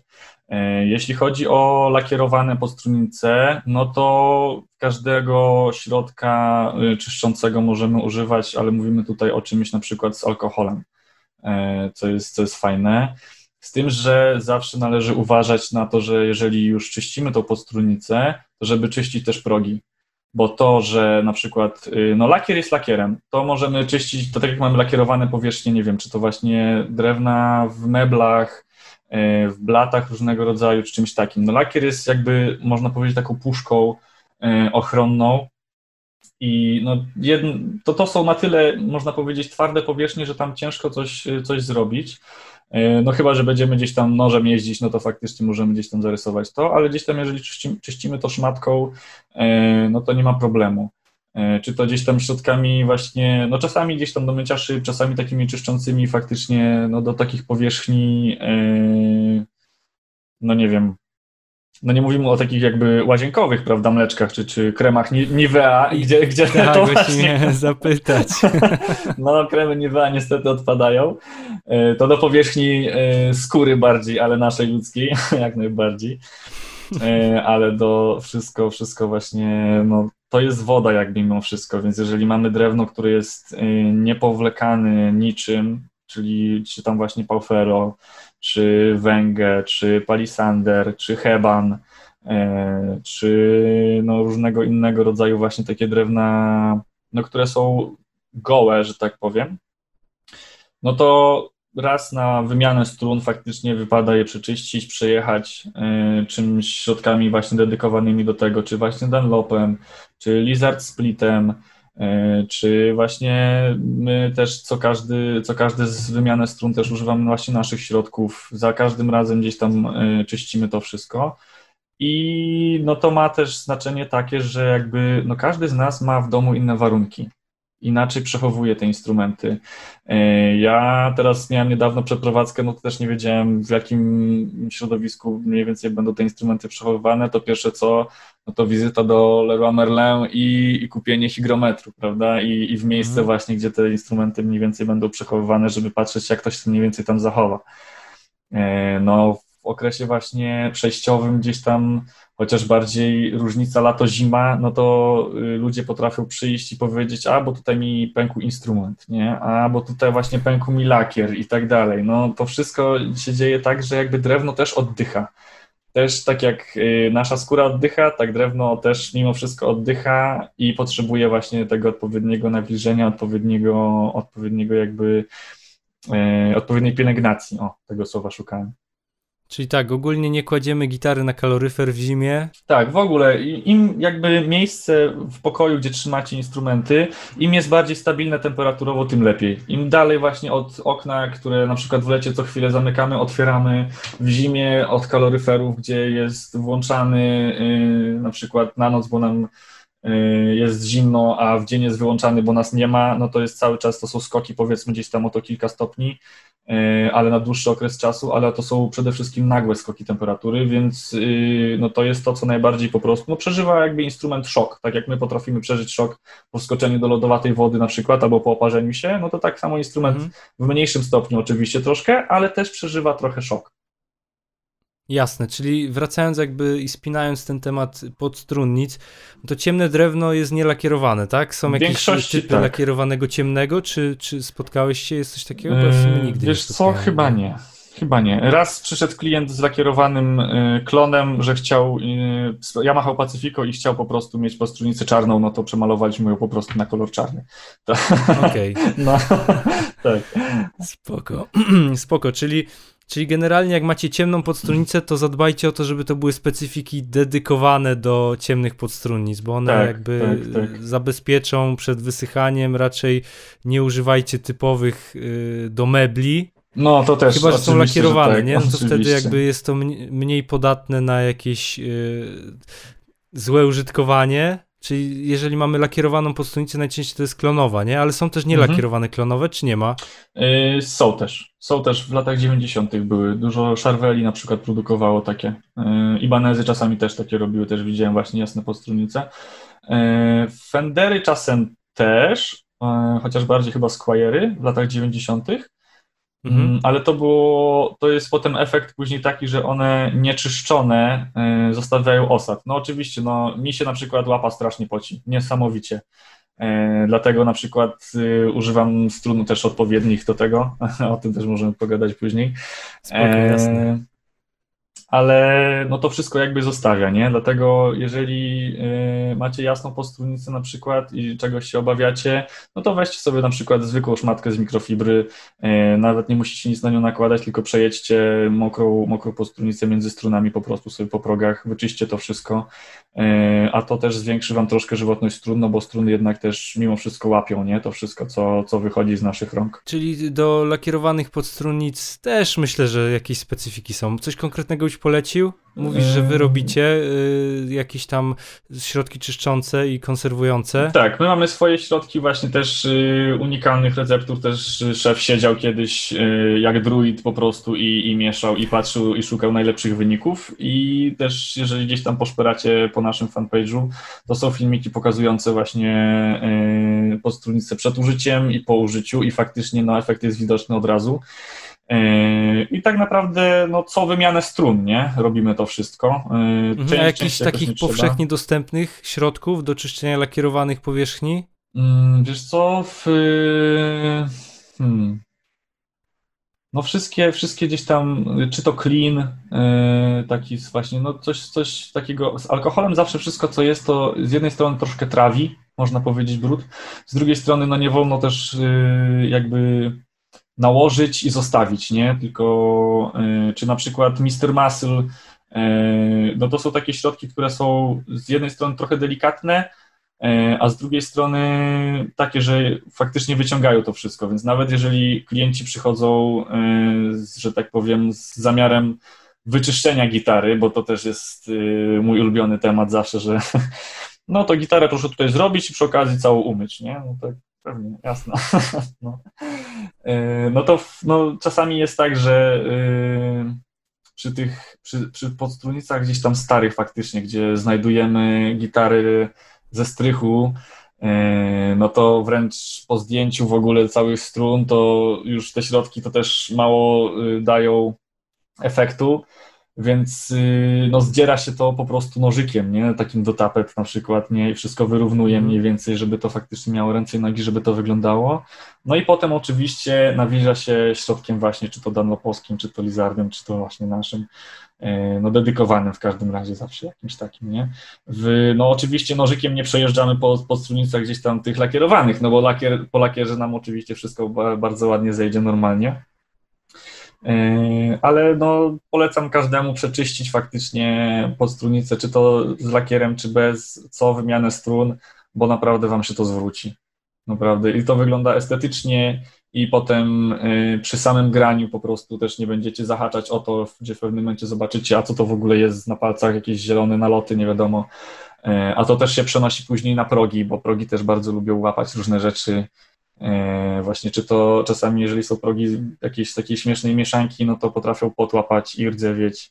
Czasami potrafią właśnie, czy to od strun chociażby samych, nie? Potrafią złapać różne naloty czy to od podstrunicy czasami to się przynosi, no to wszystko jakby wychodzi z organizmu żywego właśnie naszych rąk, więc też troszkę żyje, troszkę się przynosi, tak samo jak działają wszystkie gdzieś tam grzyby, pleśnie i tak dalej, i tak dalej. To jest taki ciężki przykład, ale no mniej więcej na takiej zasadzie to działa, nie? To wszystko się rozprzestrzenia obok, to nie jest punktowe, że tak powiem. Mhm, więc lepiej po prostu dbać o higienę gitary. Jak najbardziej, jak najbardziej, tak. Yy, dobra, myślę, że o przetwornikach nie będziemy gadać, no bo to wiadomo, że ma wpływ na brzmienie, że są różne typy, w obrębie każdego typu przetworników są jakieś różne modele i tak dalej. Mhm. To jest zbyt szeroki temat chyba, żeby dzisiaj poruszać, ale powiedz mi jak z mostkami. Już tam wspomnieliśmy wcześniej, yy, powiedziałeś o tych mostkach, gdzie na przykład masz cały yy, kawałek blachy przytwierdzony do do korpusu, tak, mhm. w telecasterach, mhm. gdzie to jest jakby źródłem tego twęgu, nie? Gdzie mamy ostre takie y, kujące brzmienie metaliczne. Tak, gitary. wręcz y, robiliśmy kiedyś telecastera dla, dla naszego dobrego przyjaciela y, Michała Mycka i on chciał tak, żeby zrobić z tyłu y, miedzianą płytę, która idzie od miejsca, gdzie łączy się gryf y, przez śruby po prostu z korpusem i ta płyta mhm. przechodziła przez cały tył korpusu, wręcz do mostka i tam były wpychane struny od razu, nie? Więc była, okay. była możliwość w ogóle, wiesz, no cały korpus drgał, pomijając fakty w ogóle, że tam jeszcze inne tam pomysły były właśnie na układy przetworników yy, i całą masę innych malowań i, i, i jakieś takie śmieszne rzeczy. Gitara wyszła fenomenalnie w ogóle. E, ale, ale no sam fakt właśnie, że ta płyta była z tyłu, nie? To też od razu przenoszenie drgań to tak trochę działało jak, jak dusza w skrzypcach na przykład, nie? Mhm. Kurczę, ciekawe rozwiązanie. Fajne, Można gdzieś tego potem. posłuchać? Yy, zobaczyć? Wiesz co, chyba, chyba niekoniecznie. Gdzieś tam faktycznie też jakbyśmy się przekopywali przez zdjęcia na fanpage'u, to będzie ta gitara, bo to było robione gdzieś tam chyba dwa lata temu jakoś. E, to jest, może gdzieś tam, może gdzieś tam poszukam tego, ale próbek dźwiękowych jakoś tak też nie robiliśmy specjalnie, ale ogólnie wyszło, wyszło naprawdę cacy, wyszło, wyszło fajnie. Najwięcej tak po problemów było, żeby znaleźć odpowiedni kolor, bo z kolorami to też jest straszne, straszne zagmatwanie, e, jeśli chodzi o dobór po prostu, czy to ktoś chce przemalować, czy domalować na przykład, bo ma jakiś ubytek, i znalezienie koloru na przykład, y, no w tym przypadku to było Sonic Blue, no to tutaj było troszkę za jasne, a nie troszkę za ciemne i kombinacji mhm. było naprawdę, naprawdę dziesiątki, żeby znaleźć ten odpowiedni. No a jeżeli na przykład skończył ci się lakier i musisz dorobić, no to już potem znowu problem, a czy to będzie na pewno taki sam, a czy nie będzie znowu za jasny, znowu za ciemny i tak dalej, nie? Jest, Poza y, tym kolor się też zmienia, nie? Od promieni UV i tak Dokładnie dalej. Dokładnie tak. Blaknie, czasami... Tak, czasami jest tak, że gitara jak schnie, no to po prostu też inny kolor przybiera. Ja jak malowałem właśnie też to fioletową swoją, to na początku ona padła w taki róż i mówię, nie, to w ogóle zostawiam, to jest mega. I potem zrobiłem na, na jasny fiolet. Mówię, kurczę, to też jest super, to też zostawiam, nie? Potem poleciałem jeszcze bardziej i, i faktycznie wyszło taki ciemny. No i jak robiłem zdjęcia, no to wychodziło tak, że ona nigdy na zdjęciach nie wyglądała tak samo jak na, na żywo, nie? Mhm. Jest y, bardzo fajny mistrz malowania Tomek Mucha. Y, dla Skarwesena maluje i dla Majoneza. No, gość jest fenomenalny po prostu, to co potrafi wyciągnąć z, z tego, z y, właśnie z drewna, z koloru i z, i z połączeń w ogóle. E, on ma chyba firmę Misha Morningwood, bardzo fajnie na Instagramie prowadzi to wszystko. E, Czyli gość się w tym specjalizuje, tak? Tak, tak, normalnie zlecają okay. mu, wiesz, nasze, nasze polskie właśnie firmy właśnie typu Majonez Kerwesen zlecają mu malowania i customowe wszystkie i naprawdę wychodzi to, wychodzi to mega dobrze. Wychodzi to mega fajnie. To nieźle, super. Fajnie, że można się też specjalizować, nie? Bo by się wydawało, że lutnictwo to to już taki temat dość, dość wąski, a to się okazuje, że nawet w obrębie tego tematu jeszcze są inne podtematy, w których można być mistrzem. No pewnie, że tak. Jest na przykład z Fendera z Custom Shopu, yy, JN Color bodajże, też konto na Instagramie, gościa, który też tylko i wyłącznie maluje fendery customowe i też opowiada o tym, jak to robi, e, co zrobić w przypadku, jeżeli mamy jakieś zacieki, a co zrobić w przypadku, kiedy mamy niedokolorowanie i tak dalej. Fakt faktem, że to jest oczywiście wszystko, ma wszystkie baniaki powiedzmy z kolorami już przygotowane, e, i gitara mu przychodzi też gotowa, bo samo jakby przygotowanie gitary do tego, żeby była malowana, to jest też osobna para kaloszy i, i czasu do poświęcenia. E, ale sam fakt i efekt końcowy po prostu, wiesz, ręka automatyczna, która mu chodzi po prostu jak robot, to jest coś fenomenalnego, na co się patrzy. Tak samo jest gość y, na Instagramie akurat dostępny z ESP. I on też po prostu czasami to, co wrzuci, jakieś kolory po prostu, które mu wyjdą albo efekty, to jest coś przepięknego. Mhm. Naprawdę super. Dobra, wracając do tematu, powiedz mi, jak to z tymi mostkami? Czy mają one wpływ na brzmienie, czy mają wpływ w ogóle, bo też takie jedno pytanie się pojawiło wśród moich patronów, czy rodzaj mostka ma wpływ na to, jak można nisko akcję strun na przykład yy, ustawić? Więc te dwa pytania mnie interesują. Mógłbyś coś powiedzieć na ten temat? Każdy mostek jest regulowany w mniejszym lub większym stopniu. Yy, tak jak właśnie w Fenderkach mamy powiedzmy na, na dwie śrubki, na dwa imbusiki, tak właśnie mamy też Tunomatic, gdzie mamy też dwie śrubki regulujące już nie pojedyncze siodełka, aczkolwiek Babicz ma wymyślone to tak, żeby regulować i wysokość jednego i pojedynczych siodełek. E, tak, mamy też na przykład Floyda, gdzie używamy, gdzie mamy. Mm, Floyd jest o tyle ciekawy, że tam można włożyć podkładkę, która nam e, wysokość siodełek, jakby siodełka poszczególne i tak są jakby po dwa z różnej wysokości, ale mimo to możemy tam włożyć podkładkę, która nam dopasowuje jakby do radiusu postrunnicy jeszcze to siodełka, więc to jest akurat fajne. E, tak czy inaczej, jakby radius postrunnicy możemy ustawić sobie w siodełkach, regulując je pojedynczo zawsze, właśnie w fenderowskich na przykład, dlatego jakby niezależnie czy to mamy 10,5, czy mamy 12, czy 16, to tam zawsze pojedyncze siodełko do odpowiedniej struny możemy sobie ustawić wedle, wedle uznania, to jest bardzo fajne. Mm, ale dużo, to czy na przykład mostek ma mniejszą czy większą regulację, to dużo zależy bardzo od y, kąta na nastawienia gryfu z korpusem. Czyli na przykład w gitarze, którą mamy bolt-on, mm, ona jest rozłączana, więc czasami jest tak, że frez pójdzie nie tak, jakbyśmy tego chcieli i mamy mm, gryf równoległy do korpusu. Jeżeli tak mamy dalej, że siodełko na przykład albo mostek, który jest fabrycznie robiony, y, no jakby z samego założenia jest wyżej na przykład, albo wręcz niżej niż podstrunnica, no to ta, ta możliwość regulacji nam się delikatnie zmniejsza, nie? Dlatego y, czasami trzeba dać, odkręcić gryf, włożyć podkładkę, zmienić delikatnie ten kąt gryfu, y, żeby jakby wyjście strun żeby podwyższyć jakby siodełka, bo zawsze lepiej wyjść w górę niż w dół. Jeżeli mamy możliwość, y, jeżeli opuszczamy siodełka już na maksa na dół, no to nie wiadomo na przykład, czy patrząc na akcję powiedzmy 2 mm, nie chcielibyśmy zejść jeszcze niżej, nie? I patrzymy na siodełko, no ale już się nie da. Co wtedy, prawda? Albo wręcz właśnie w drugą stronę, nie? Już mamy na tyle wysoko, że chcielibyśmy, znaczy w sensie takim, że nie mamy już możliwości regulacji wyżej, a chcielibyśmy już jeszcze troszkę wyżej, ale już nam gryf nie pozwala, prawda? I mhm. dalej na przykład struny leżą na podstrunicy. Także akurat tutaj duże znaczenie właśnie ma akurat w typu boltonach, nie? Że, że możemy sobie to regulować podkładką. Mm, w takim typie y, raczej mm, neck through body, o właśnie, albo, albo właśnie w gryfach wklejanych. Jest już raczej to ustawiane tak na maksa, żeby raczej wyliczane są te mostki tak, żeby, były, żeby była możliwość regulacji i w górę, i w dół.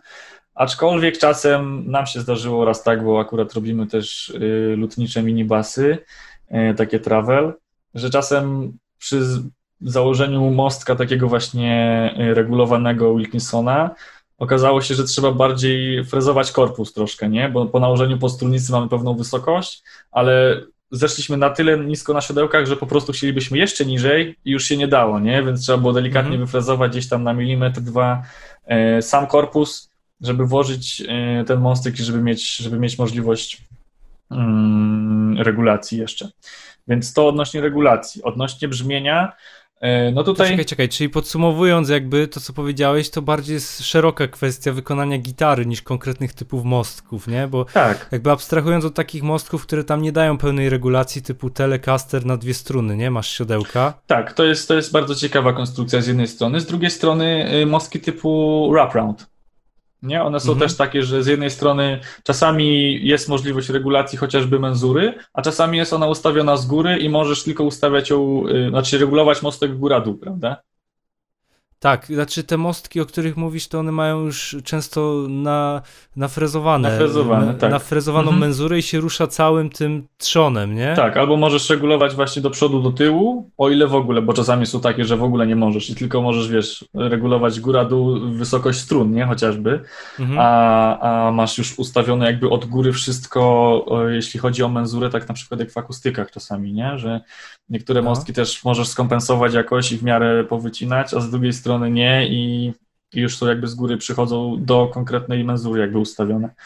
E, także jeśli chodzi o regulację, no to raczej tutaj konstrukcyjnie nie ma jakby specjalnie mostków lepszych czy gorszych, bo, bo zazwyczaj no oprócz tych faktycznie ograniczonych, tak samo tak, tak właśnie jak te wraparoundy, no to no to większość i tak pozwala nam uzyskać y, każdą możliwie dostępną akcję strun i każdy, każdy rodzaj menzury. Jak najbardziej. Okay.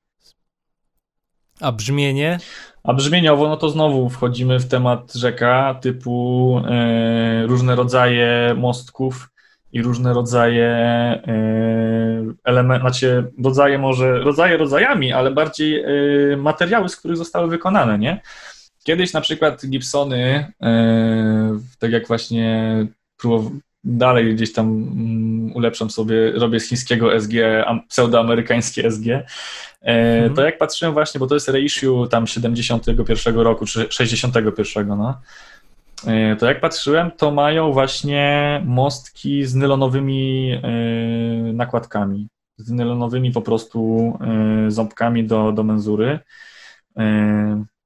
No i tak teraz też robi firma Ton Pros na przykład, bardzo dobre mostki e, typu Tunomatic w głównej mierze i chyba Raprandy też. Mm, I tam jest do wyboru właśnie, albo, albo z nylonem, albo z metalem, czy to naciętym, czy to nie.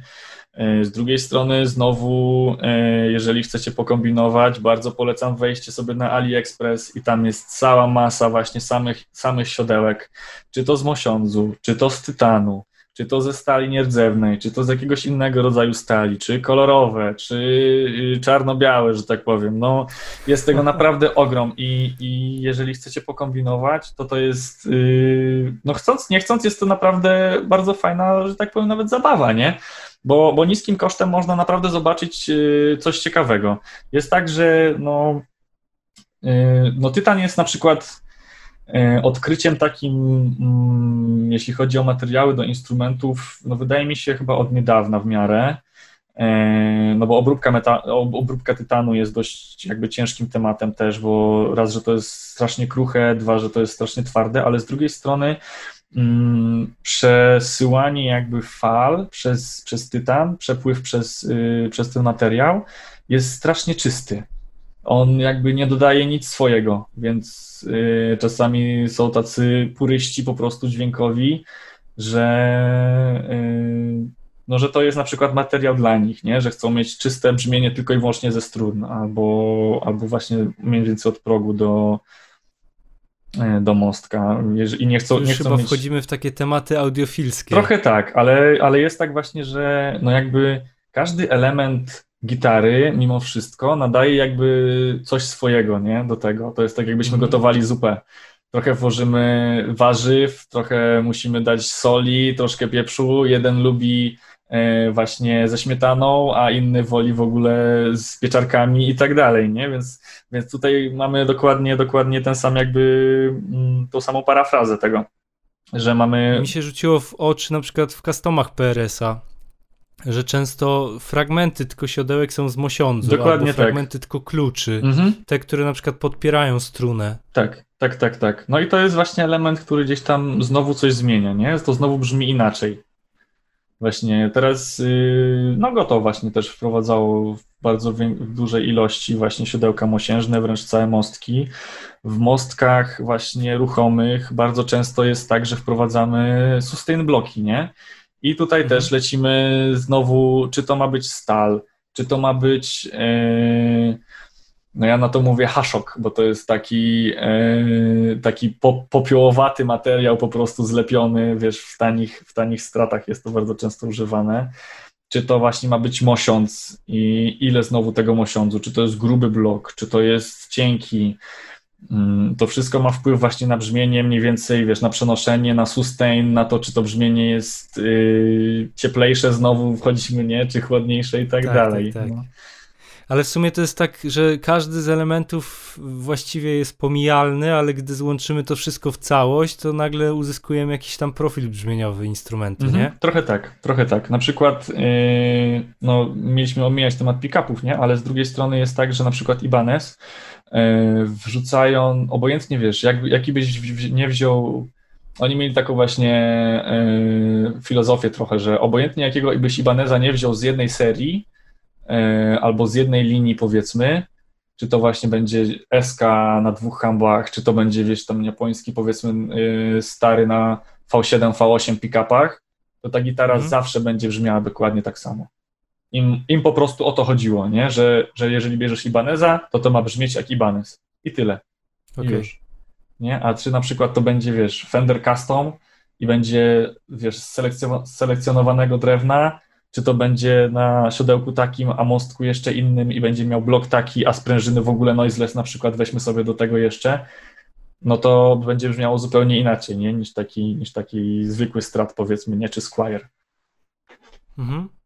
Ciekawa sprawa ogólnie z tym. Mhm. Jest, jak, można się zagłębić i zatracić trochę w tym poszukiwaniu tych niuansów. No, nie? no to są takie właśnie geekowskie sprawy. Ja zawsze śledziłem wszystkie namy, nie namy, jakieś music messe i tak dalej i zawsze chciałem pojechać właśnie na nam, zobaczyć jak to wygląda, ale ponoć jest tak, że no, mimo że raz pojedziesz, to i tak wszystkiego nie zobaczysz, bo tego jest aż tyle, nie? Więc potem szukanie tego wszystkiego, a co się działo w przeszłości, to jest, to jest znowu kolejna bajka. To jest tak samo, No wiesz, jasne, wiesz, ja w ogóle zupełnie inaczej podchodzę do instrumentu niż ty, bo dla mnie to jest takie typowe narzędzie typu mamy struny, mamy kawałek drewna i po prostu ćwiczymy i gramy jak najlepiej.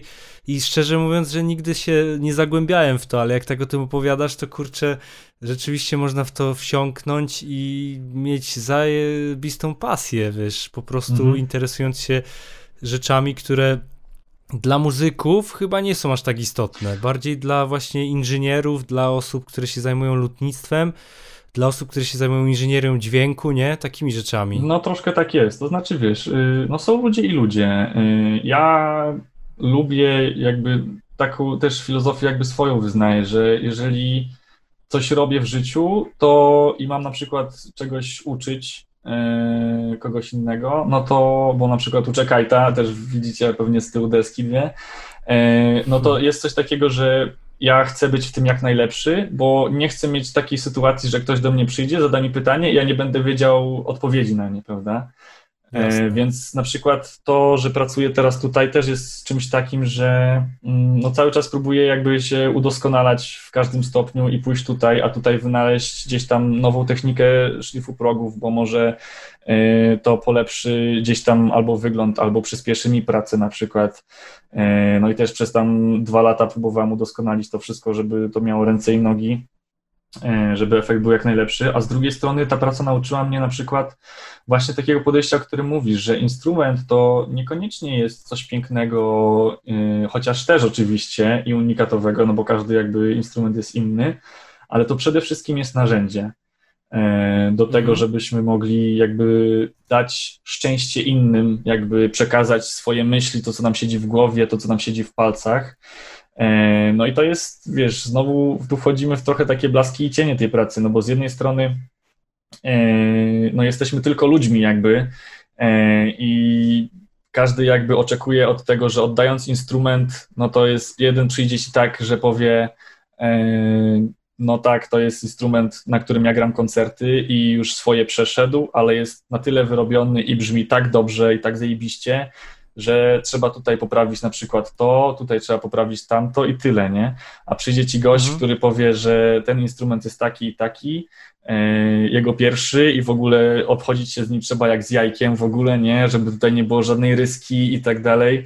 No a czasami no, jesteśmy jakby wszyscy niestety tylko ludźmi albo aż ludźmi, no i no chcąc, nie chcąc, zawsze zdarzy się jakiś bubel, a to ci coś delikatnie, powiedzmy, się ręka omsknie, nie? A to coś, powiedzmy, mhm. ci spadnie i tak dalej. No i trzeba to znowu, no to jest na tyle, no znowu wracamy do tego zegarmistrza, nie? To jest na tyle praca taka precyzyjna i specyficzna, żeby znowu albo zrobić tak, żeby nie było widać, nie? E, zaraz okaże się, że jestem tego, że jestem dziadem, po prostu i wszystkie gitary niszczę i tak dalej. Wiesz co, ja ogólnie jestem zdania i powtarzam to jak mantrę i pewnie ludzie, którzy mnie słuchają już mają tego dość, ale nie robi błędów ten, coś nic nie robi.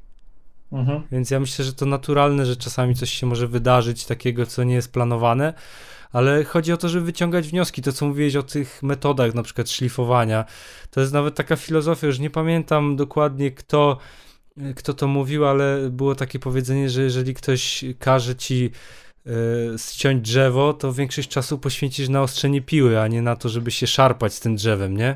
No dokładnie tak, dokładnie Więc tak. Czasami rzeczywiście warto poświęcić y, czas na to, żeby ulepszyć swój warsztat maksymalnie jak się da, żeby potem każda czynność była powtarzalna i nie sprawiała ci żadnych trudności, więc to Problemu. taka no filozofia no tak, życiowa no. bardziej, nie?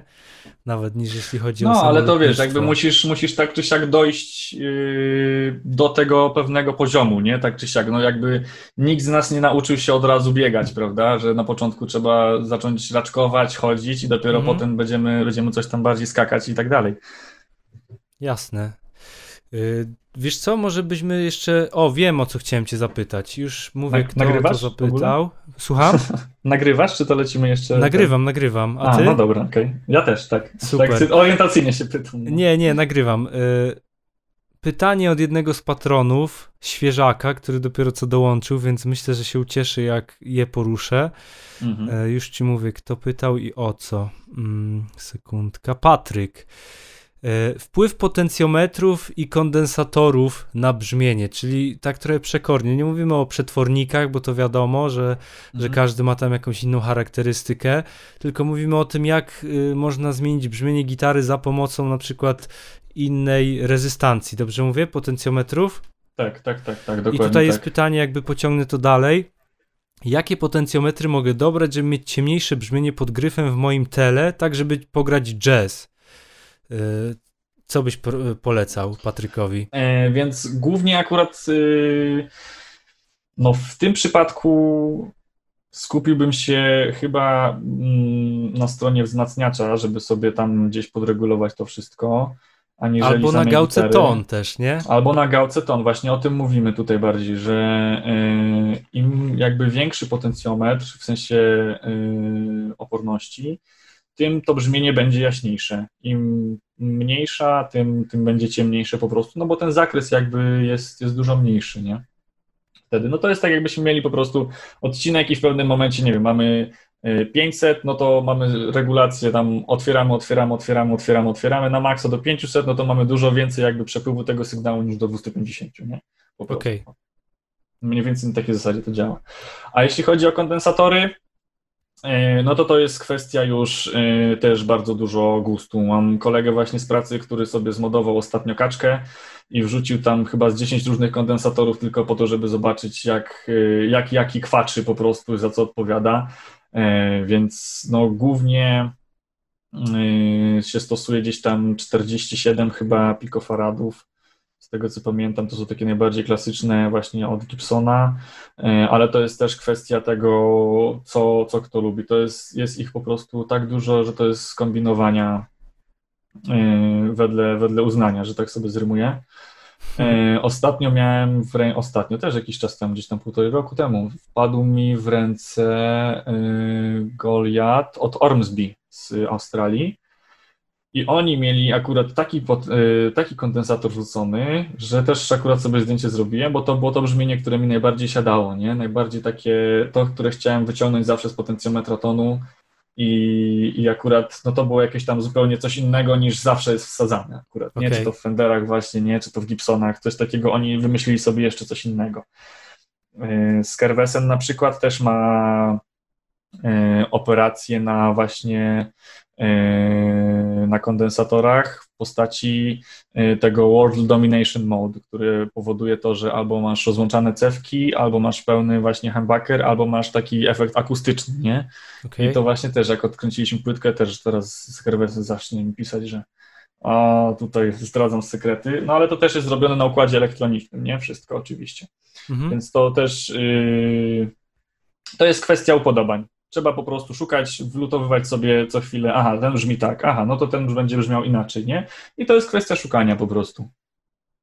Czyli raczej y, polecamy pokombinować sobie z różnymi rozwiązaniami. Tak, to nie jest w ogóle, nie jest ani trudne do zrobienia, ani gdzieś tam yy, można sobie nawet dwa kabelki wyprowadzić, jeżeli macie w domu lutownicę, to jest też nie, bezproblemowe po prostu, żeby Y, powymieniać co chwilę właśnie te kondensatorki, a może teraz ten i zobaczyć jak działa gałka tonu, a może teraz ten, ok, potem odlutować właśnie kabelki, wsadzić sobie z powrotem ten kondensator, no i to jest to, czego będziecie szukać, nie? Okej, okay, spoko. A powiedz mi, bo y, mówisz teraz o kondensatorach do y, gałki tonu, nie? Mhm. Ale są też rozwiązania do gałki głośności. Dobrze, roz, dobrze kojarzę, że polegają tak. na tym, że jak ściszasz, to nie tracisz górnych częstotliwości, tak? Tak, jest kondensator z rezystorem połączony właśnie albo równolegle, e, albo szeregowo, w zależności też oczywiście, jaki chcemy uzyskać efekt tego. Mhm. I do gałki tonu właśnie czasami jest tak, że e, skręcając jakby głośność ucina nam wysokie częstotliwości. E, więc jakby gitara mimo wszystko ma jednak grać górą.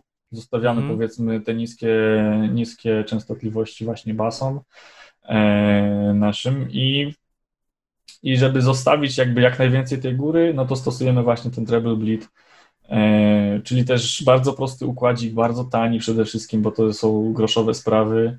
E, Flutowujemy w, w, w zależności od tej konfiguracji, bo tam są bodajże chyba trzy różne do wyboru w zależności od tego, jak chcemy te, te, te elementy właśnie z sobą połączyć to raz, a z drugiej strony, jak to ma mniej więcej działać e, na sam układ, w zależności od tego, jak mamy połączony po prostu układ elektroniczny, jeśli chodzi o gałki, nie? Mhm.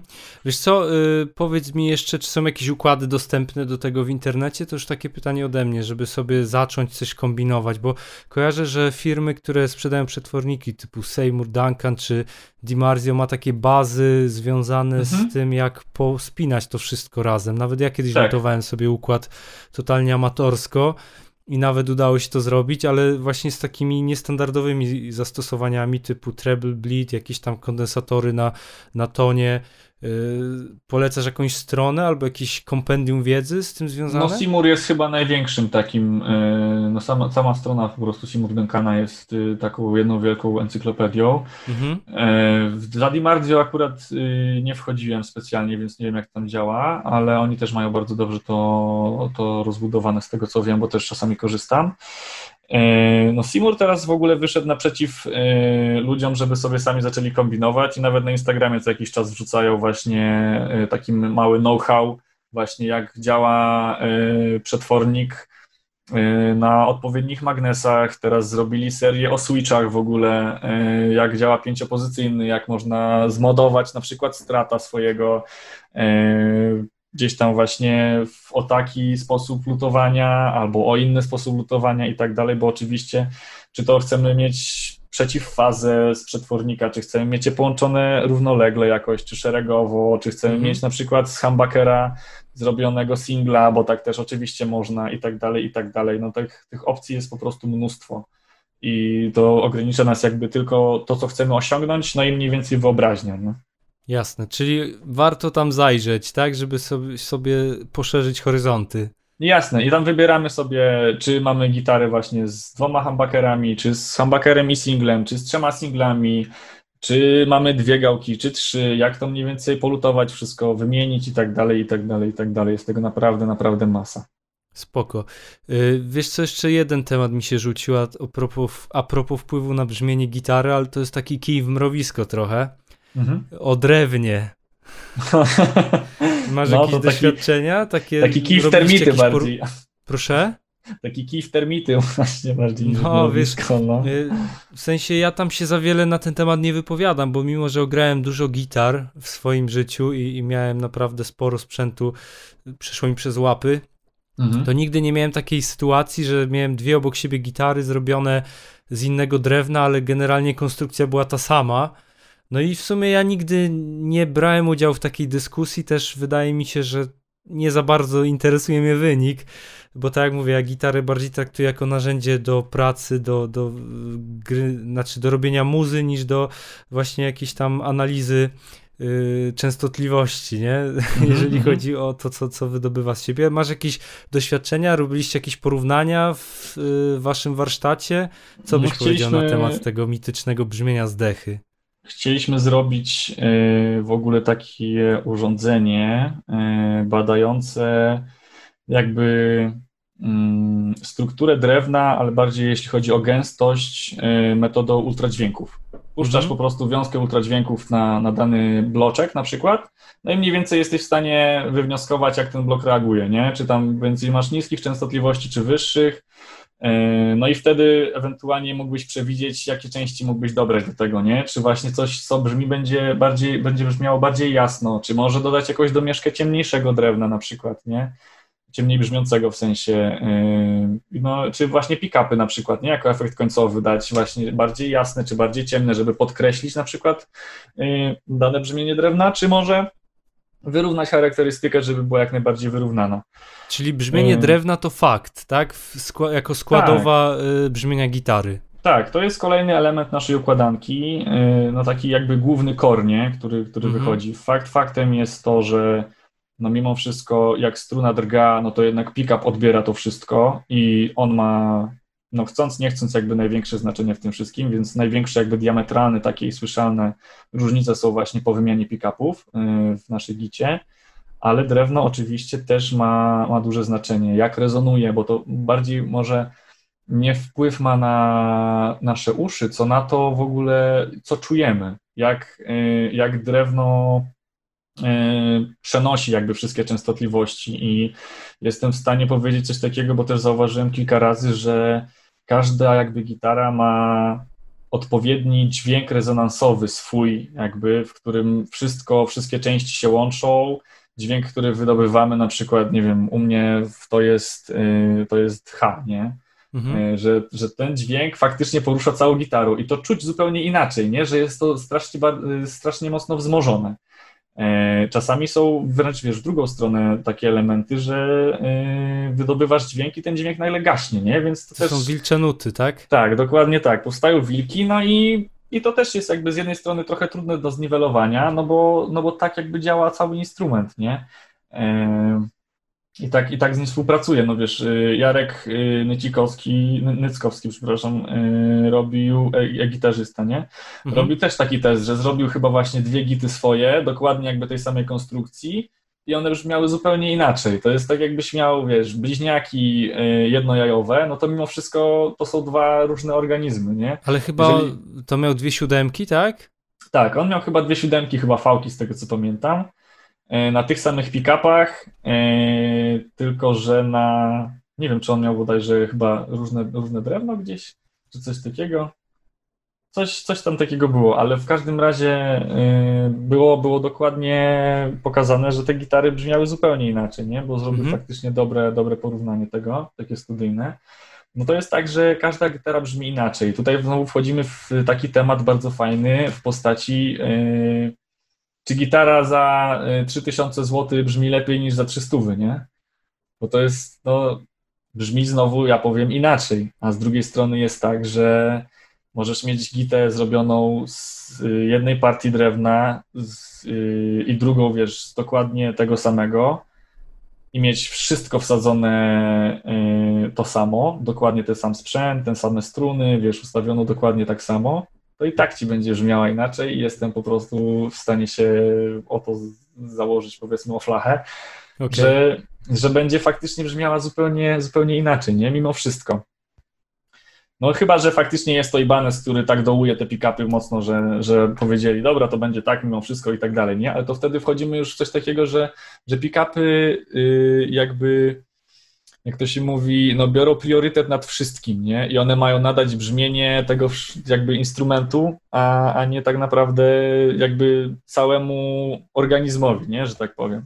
Jasne. Wydaje mi się, że są ogólnie elementy może elementy brzmienia, czy są rzeczy, które można obiektywnie ocenić, czy coś jest lepsze, czy gorsze, typu właśnie długość wybrzmiewania, to czy gitara jest wygodna, czy stroi na progach, w sensie to też jest ciekawa sprawa, nie, że gitary mhm. ogólnie nie mają prawa stroić idealnie na wszystkich progach. No tak, dlatego wymyślali progi właśnie, które są takie mm, pofalowane, nie, że tak, tak powiem, tak. takie fanfrety, no że to jest kompromis, nie? Strój gitary to jest taki kompromis, bo nie da się fizyki oszukać i i, i tak. to, że po prostu nie ma takiej możliwości, żeby wam gitara stroiła idealnie przy normalnych progach.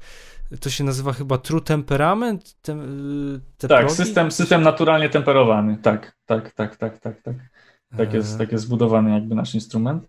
No z drugiej znaczy strony. Nie, jest... ja mówię o tym, że y, te progi się na tempera, bo system, znaczy system. Aha, sam, y, sam system. Y, chyba tak, chyba tak. Też nie pamiętam teraz.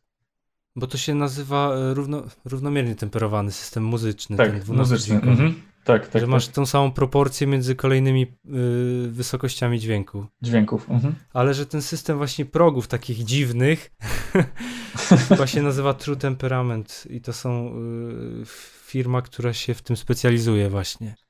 Tak, no tam jest o tyle problem, że yy, właśnie ostatnio też mieliśmy dyskusję w pracy na tym, jak one są w ogóle wbijane w drewno, nie? Bo no, nie dopasujesz ich jakoś specjalnie. No, musi to być jakaś specjalna prasa po prostu odlewnicza, która to robi. Mhm. No bo no, szczerze mówiąc, yy, nie wiem, Schecter chyba robił takie, takie gitary, Kort robił takie gitary, chyba Ibanez coś próbował, ale też to była chyba krótka seria z tego co pamiętam. No i nie wiem, czy ktoś jeszcze się o to pokusił. Ale Myślę, że to jest mega kłopotliwe, tak jak mówisz. Tak, ktoś, ktoś jeszcze, jakaś taka firma, nie wiem, czy właśnie Skerwesen się o to nie, nie kusił, ale tam Widzę, już że progi... Jackson na przykład ma, Marty Friedman ma w swojej gitarze coś takiego, bo o, właśnie, sobie możliwe. teraz na stronę mhm. z ciekawości. Możliwe, że tak właśnie. E, z Strandberg robił teraz, pamiętam, chyba takie progi też. Mhm. Tak, z jest. Tego, Strandberg też jest na stronie mhm. w zdjęciach. Tak. No, ale to już są, no właśnie, tutaj są progi już stalowe, nie, żeby ich nie trzeba było nigdy szlifować, no bo szlifować takie progi po skosie, gdzieś tam skręcać i tak dalej, no to ja sobie tego nie wyobrażam w ogóle, szczerze mówiąc. Jasne. No, ale no tak, no tutaj już to już jest zupełnie inna technika jakby obróbki, nie, znowu ty, samych tych progów i pracy z, z podstrunnicą właśnie. Ciekawa sprawa, ale jakby wyszliśmy trochę z tematu. Chodziło mi o to, że, że to, co wydaje mi się, że można obiektywnie ocenić, to właśnie to wybrzmiewanie, czyli czy gitara trzyma ten szarpnięty dźwięk, czy nagle wszystko gaśnie, bo zazwyczaj te gitary gorszej klasy mają to do siebie, że bardzo krótko brzmią, a szczególnie w wysokich pozycjach, nie? Bo ile puste struny jeszcze mają y, tą możliwość, że one zawsze dłużej będą wybrzmiewały, mhm. to niektóre gitary tanio wykonane i, i, z kiepskiej jakości materiałów, to tam powyżej 12 progu to potrafią po właściwie sekundzie gdzieś tam gasnąć dźwięki wysokie. No, czasami tak, no ale to jest też, yy, nie wiem, myśl w głowie też mi wyleciało nagle. Yy, no, że gitara, aha, że gitara jest yy, instrumentem bardzo mocno nieprecyzyjnym, nie? Jeśli chodzi w ogóle o strojenie, właśnie o progi i tak dalej. No tutaj nie ma jakby co się oszukiwać zupełnie. Że to gdybyśmy na przykład nie mieli w ogóle yy, progów i ćwiczyli wszystko tak jak skrzypce, no to na skrzypcach ćwicząc grasz cały czas gamy. Tylko zawsze, za każdym razem, żeby zawsze się wbić idealnie w ten dźwięk, nie? Który, masz, który masz zagrać. E, no a tutaj mamy progi, nie? które są jakby tym czynnikiem błędu, że tak powiem. No i no chcąc, nie chcąc nawet, no musiałbyś, nie wiem, chyba mikrobendy robić, jakieś takie blue noty grać co za jakiś Wiesz, czas. są takie, y, są takie techniki, na przykład gry na gitarze klasycznej, to mi mój nauczyciel kiedyś opowiadał w szkole muzycznej, że są mistrzowie grania, że potrafią, wiesz, dostroić akord przez lekkie dociągnięcie struny albo lekkie opuszczenie. Nie opuszczenie, wiem, na ile to jest no prawda i kto to konkretnie stosuje, ale taką historię słyszałem, więc myślę, że No to też jest tak, że, że czasami niektórzy wolą stroić na ucho niż z tunerem, bo lepiej im stroi gitara, w sensie lepiej to czują i słyszą, jeżeli czasami jakaś struna nawet na pusto nie jest idealnie nastrojona, ale w konkretnym akordzie i też jest taki kanał, kurczę, jak goś się nazywał, mm, mega znany, sesyjny muzyk, może, pamię- może ty mi podpowiesz, czekaj. Ale gitarzysta też, czy? Gitarzysta, gitarzysta, no taki starszy koleś. Starszy gość? E, już googlujemy. Pierce, Tim Pierce. Aha, aha, aha. No, No, no kojarzę. powi- on opowiadał o tym, że czasami do nagrań po prostu do paru dźwięków dostrają gitarę tak, żeby dany akord po prostu brzmiał najczyściej jak się da. no niekoniecznie z tunerem, nie? Ale z drugiej Tak, strony tak, czasami... w studiu udało się nagrać. y, chyba nie wiem, czy on nie opowiadał o tym, jak. Kurczę, nie chcę teraz przekręcić, ale w każdym razie, no to o czym mówię, to, to, to jest fakt, że, że do paru dźwięków czasami jest dostrojona gitara tak, żeby na nagraniu było idealnie. Mhm, mhm. No czasami tak jest. A czasami jest drugą stronę, nie? Że człowiek ci przyjdzie, masz nastrojony, yy, nastrojony instrument właśnie według stroika dość dobrego, no a on ci mówi, że nie stroi, nie? I tak, no, no stroi, no, no raczej stroi, nie? I coś A co z takimi klientami? Bo na pewno się tacy trafiają. No, y, tutaj jest zawsze y, tak, że jednak klient nasz pan, nie? Więc Mhm. są, są klienci po prostu, którym, no chcąc, nie chcąc, no widzisz mimo wszystko, y, że ktoś gra dobrze i ktoś się zna, a ktoś się nie zna i dopiero pie- zaczyna gdzieś tam, nie? Ale, ale na przykład... No ale tak się zna, jest, nie zna się, Ale się zna, tak, tak, no jest, jest mistrzem w każdej dziedzinie, nie? No, tak. także y, no trzeba zawsze jakby patrzeć na, na każdą osobę z przymrużeniem oka, nie? No zawsze jest tak, że Każdy no, z nas był kiedyś królem gitary. no tak, no. No, każdy, każdy z nas wszystko wiedział najlepiej i otworzył internet, tam zobaczył Steve'a Vai'a, wrzucił wszystko w, wiesz, w kąt? No. No, Albo pomyślał, e, co to tak? no właśnie, wyszedłbym no, i też to- bym tak zagrał. Też bym tak zagrał. No jak miał taką gitarę, też bym tak zrobił. Potrzymaj mi piwo. tak, dokładnie tak, no. Wiesz co, bo tak w sumie już gadamy dwie godziny z tego co widzę. no zaraz Ja myślę, że możemy to pociągnąć na jakiś inny termin, w sensie porozmawiać sobie jeszcze raz, spotkać się, bo z tego wyszedł bardzo ciekawy i, taki bym powiedział kompleksowy temat związany z w ogóle z budową gitary i wpływem każdego elementu na brzmienie. Jasne, że tak, jasne, że tak. Ja myślę, że tutaj możemy sobie postawić kropkę i jakby z takim nastawieniem, że będziemy to kontynuować, bo fajnie się ciebie Pewnie. słucha i ja myślę, że, że słuchacze też yy, się zainspirowali tym, bo powiem ci, że, że Mam nigdy nie nadzieję. pomyślałem, że można, że można tak yy, podejść do tematu gitary, szczerze mówiąc. No pewnie. Jeżeli będziecie mieli jakieś pytania, to piszcie w komentarzach właśnie albo na stronie patronów. Też wbijajcie albo do mnie na Instagrama właśnie Harosław, prawie jak Jarosław, tylko że niekoniecznie. Wrzucimy yy, w opis na pewno. Jasne. Yy, czy to właśnie na, na fanpage gdzieś tam, gdzie zazwyczaj akurat na Facebooku szef odpowiada, ale też jeżeli będziecie chcieli jakiś właśnie kontakt, no to, to nie ma problemu. No i następnym razem spróbujemy porozmawiać troszkę właśnie na, może na wasze tematy, może coś, może, może mnie poprawicie w niektórych kwestiach, może się gdzieś pomyliłem, a może odkryjecie coś, że a, faktycznie miał rację. Wiesz co, wydaje mi się, że, że ten temat jest zawsze dyskusyjny, że, że nie ma jakby takich ostatecznych wniosków na nic związanego z, z budową gitary i tak dalej. To zawsze budziło kontrowersje, zawsze ludzie się spierali o to, czy EMG gra w każdej gitarze tak samo. Tak samo tak, czy Fender jest lepszy, czy Gibson jest lepszy, nie? tak, tak, więc no. fajnie, żebyście pisali, jeżeli macie jakieś inne opinie, inne spostrzeżenia, doświadczenia, to jakby my nie stawiamy się z pozycji autorytetu nigdy. No tak, no my dzielimy się wiedzą tym, co wiemy, tym, co usłyszymy, albo tym, co y, fajnie nam się przekręca na przykład. Jest, I jesteśmy otwarci na to, żeby nas punktować i żebyśmy się mogli czegoś nowego nauczyć. No pewnie, że tak. Wszyscy jesteśmy jakby tylko ludźmi. Albo aż. No. No. Dobra, słuchaj, bo przedstawiłem cię jako Kuba, ale jesteś Harry tak naprawdę, tak? Tak, od drugiej klasy podstawówki wszyscy tak na mnie wołają, także Ale rodzina nie. bardzo miło. No rodzina jest wyjątkiem. Moja siostra jak się wkurzy, to wtedy faktycznie tak na mnie krzyczy. No. Wiesz co, właśnie y, dwa dni temu gadałem z Ksantypem i mówi, że u niego na przykład rodzina też przekręca jego imię. Choć nie mówią Ksantyp, ale jakieś tam inne, Maniek na przykład, nie? Mhm. Ale, ale to różnie z tym bywa, więc y, dzisiaj Gościem na, w gitarowym podcaście Bazoka był Harry z Michado Guitar Studio. Gorąco polecam, obczajcie sobie na Facebooku. Instagrama też macie firmowego? Instagrama też mamy firmowego, też zapraszam serdecznie. Pewnie, że tak. Wrzucamy zawsze jakieś takie ciekawsze gitarki właśnie, które są, także jeżeli jesteście ciekawi, co ludzie przynoszą, na czym grają, albo co, co jesteśmy w stanie zrobić, to Instagram jest właśnie takim najlepszym punktem.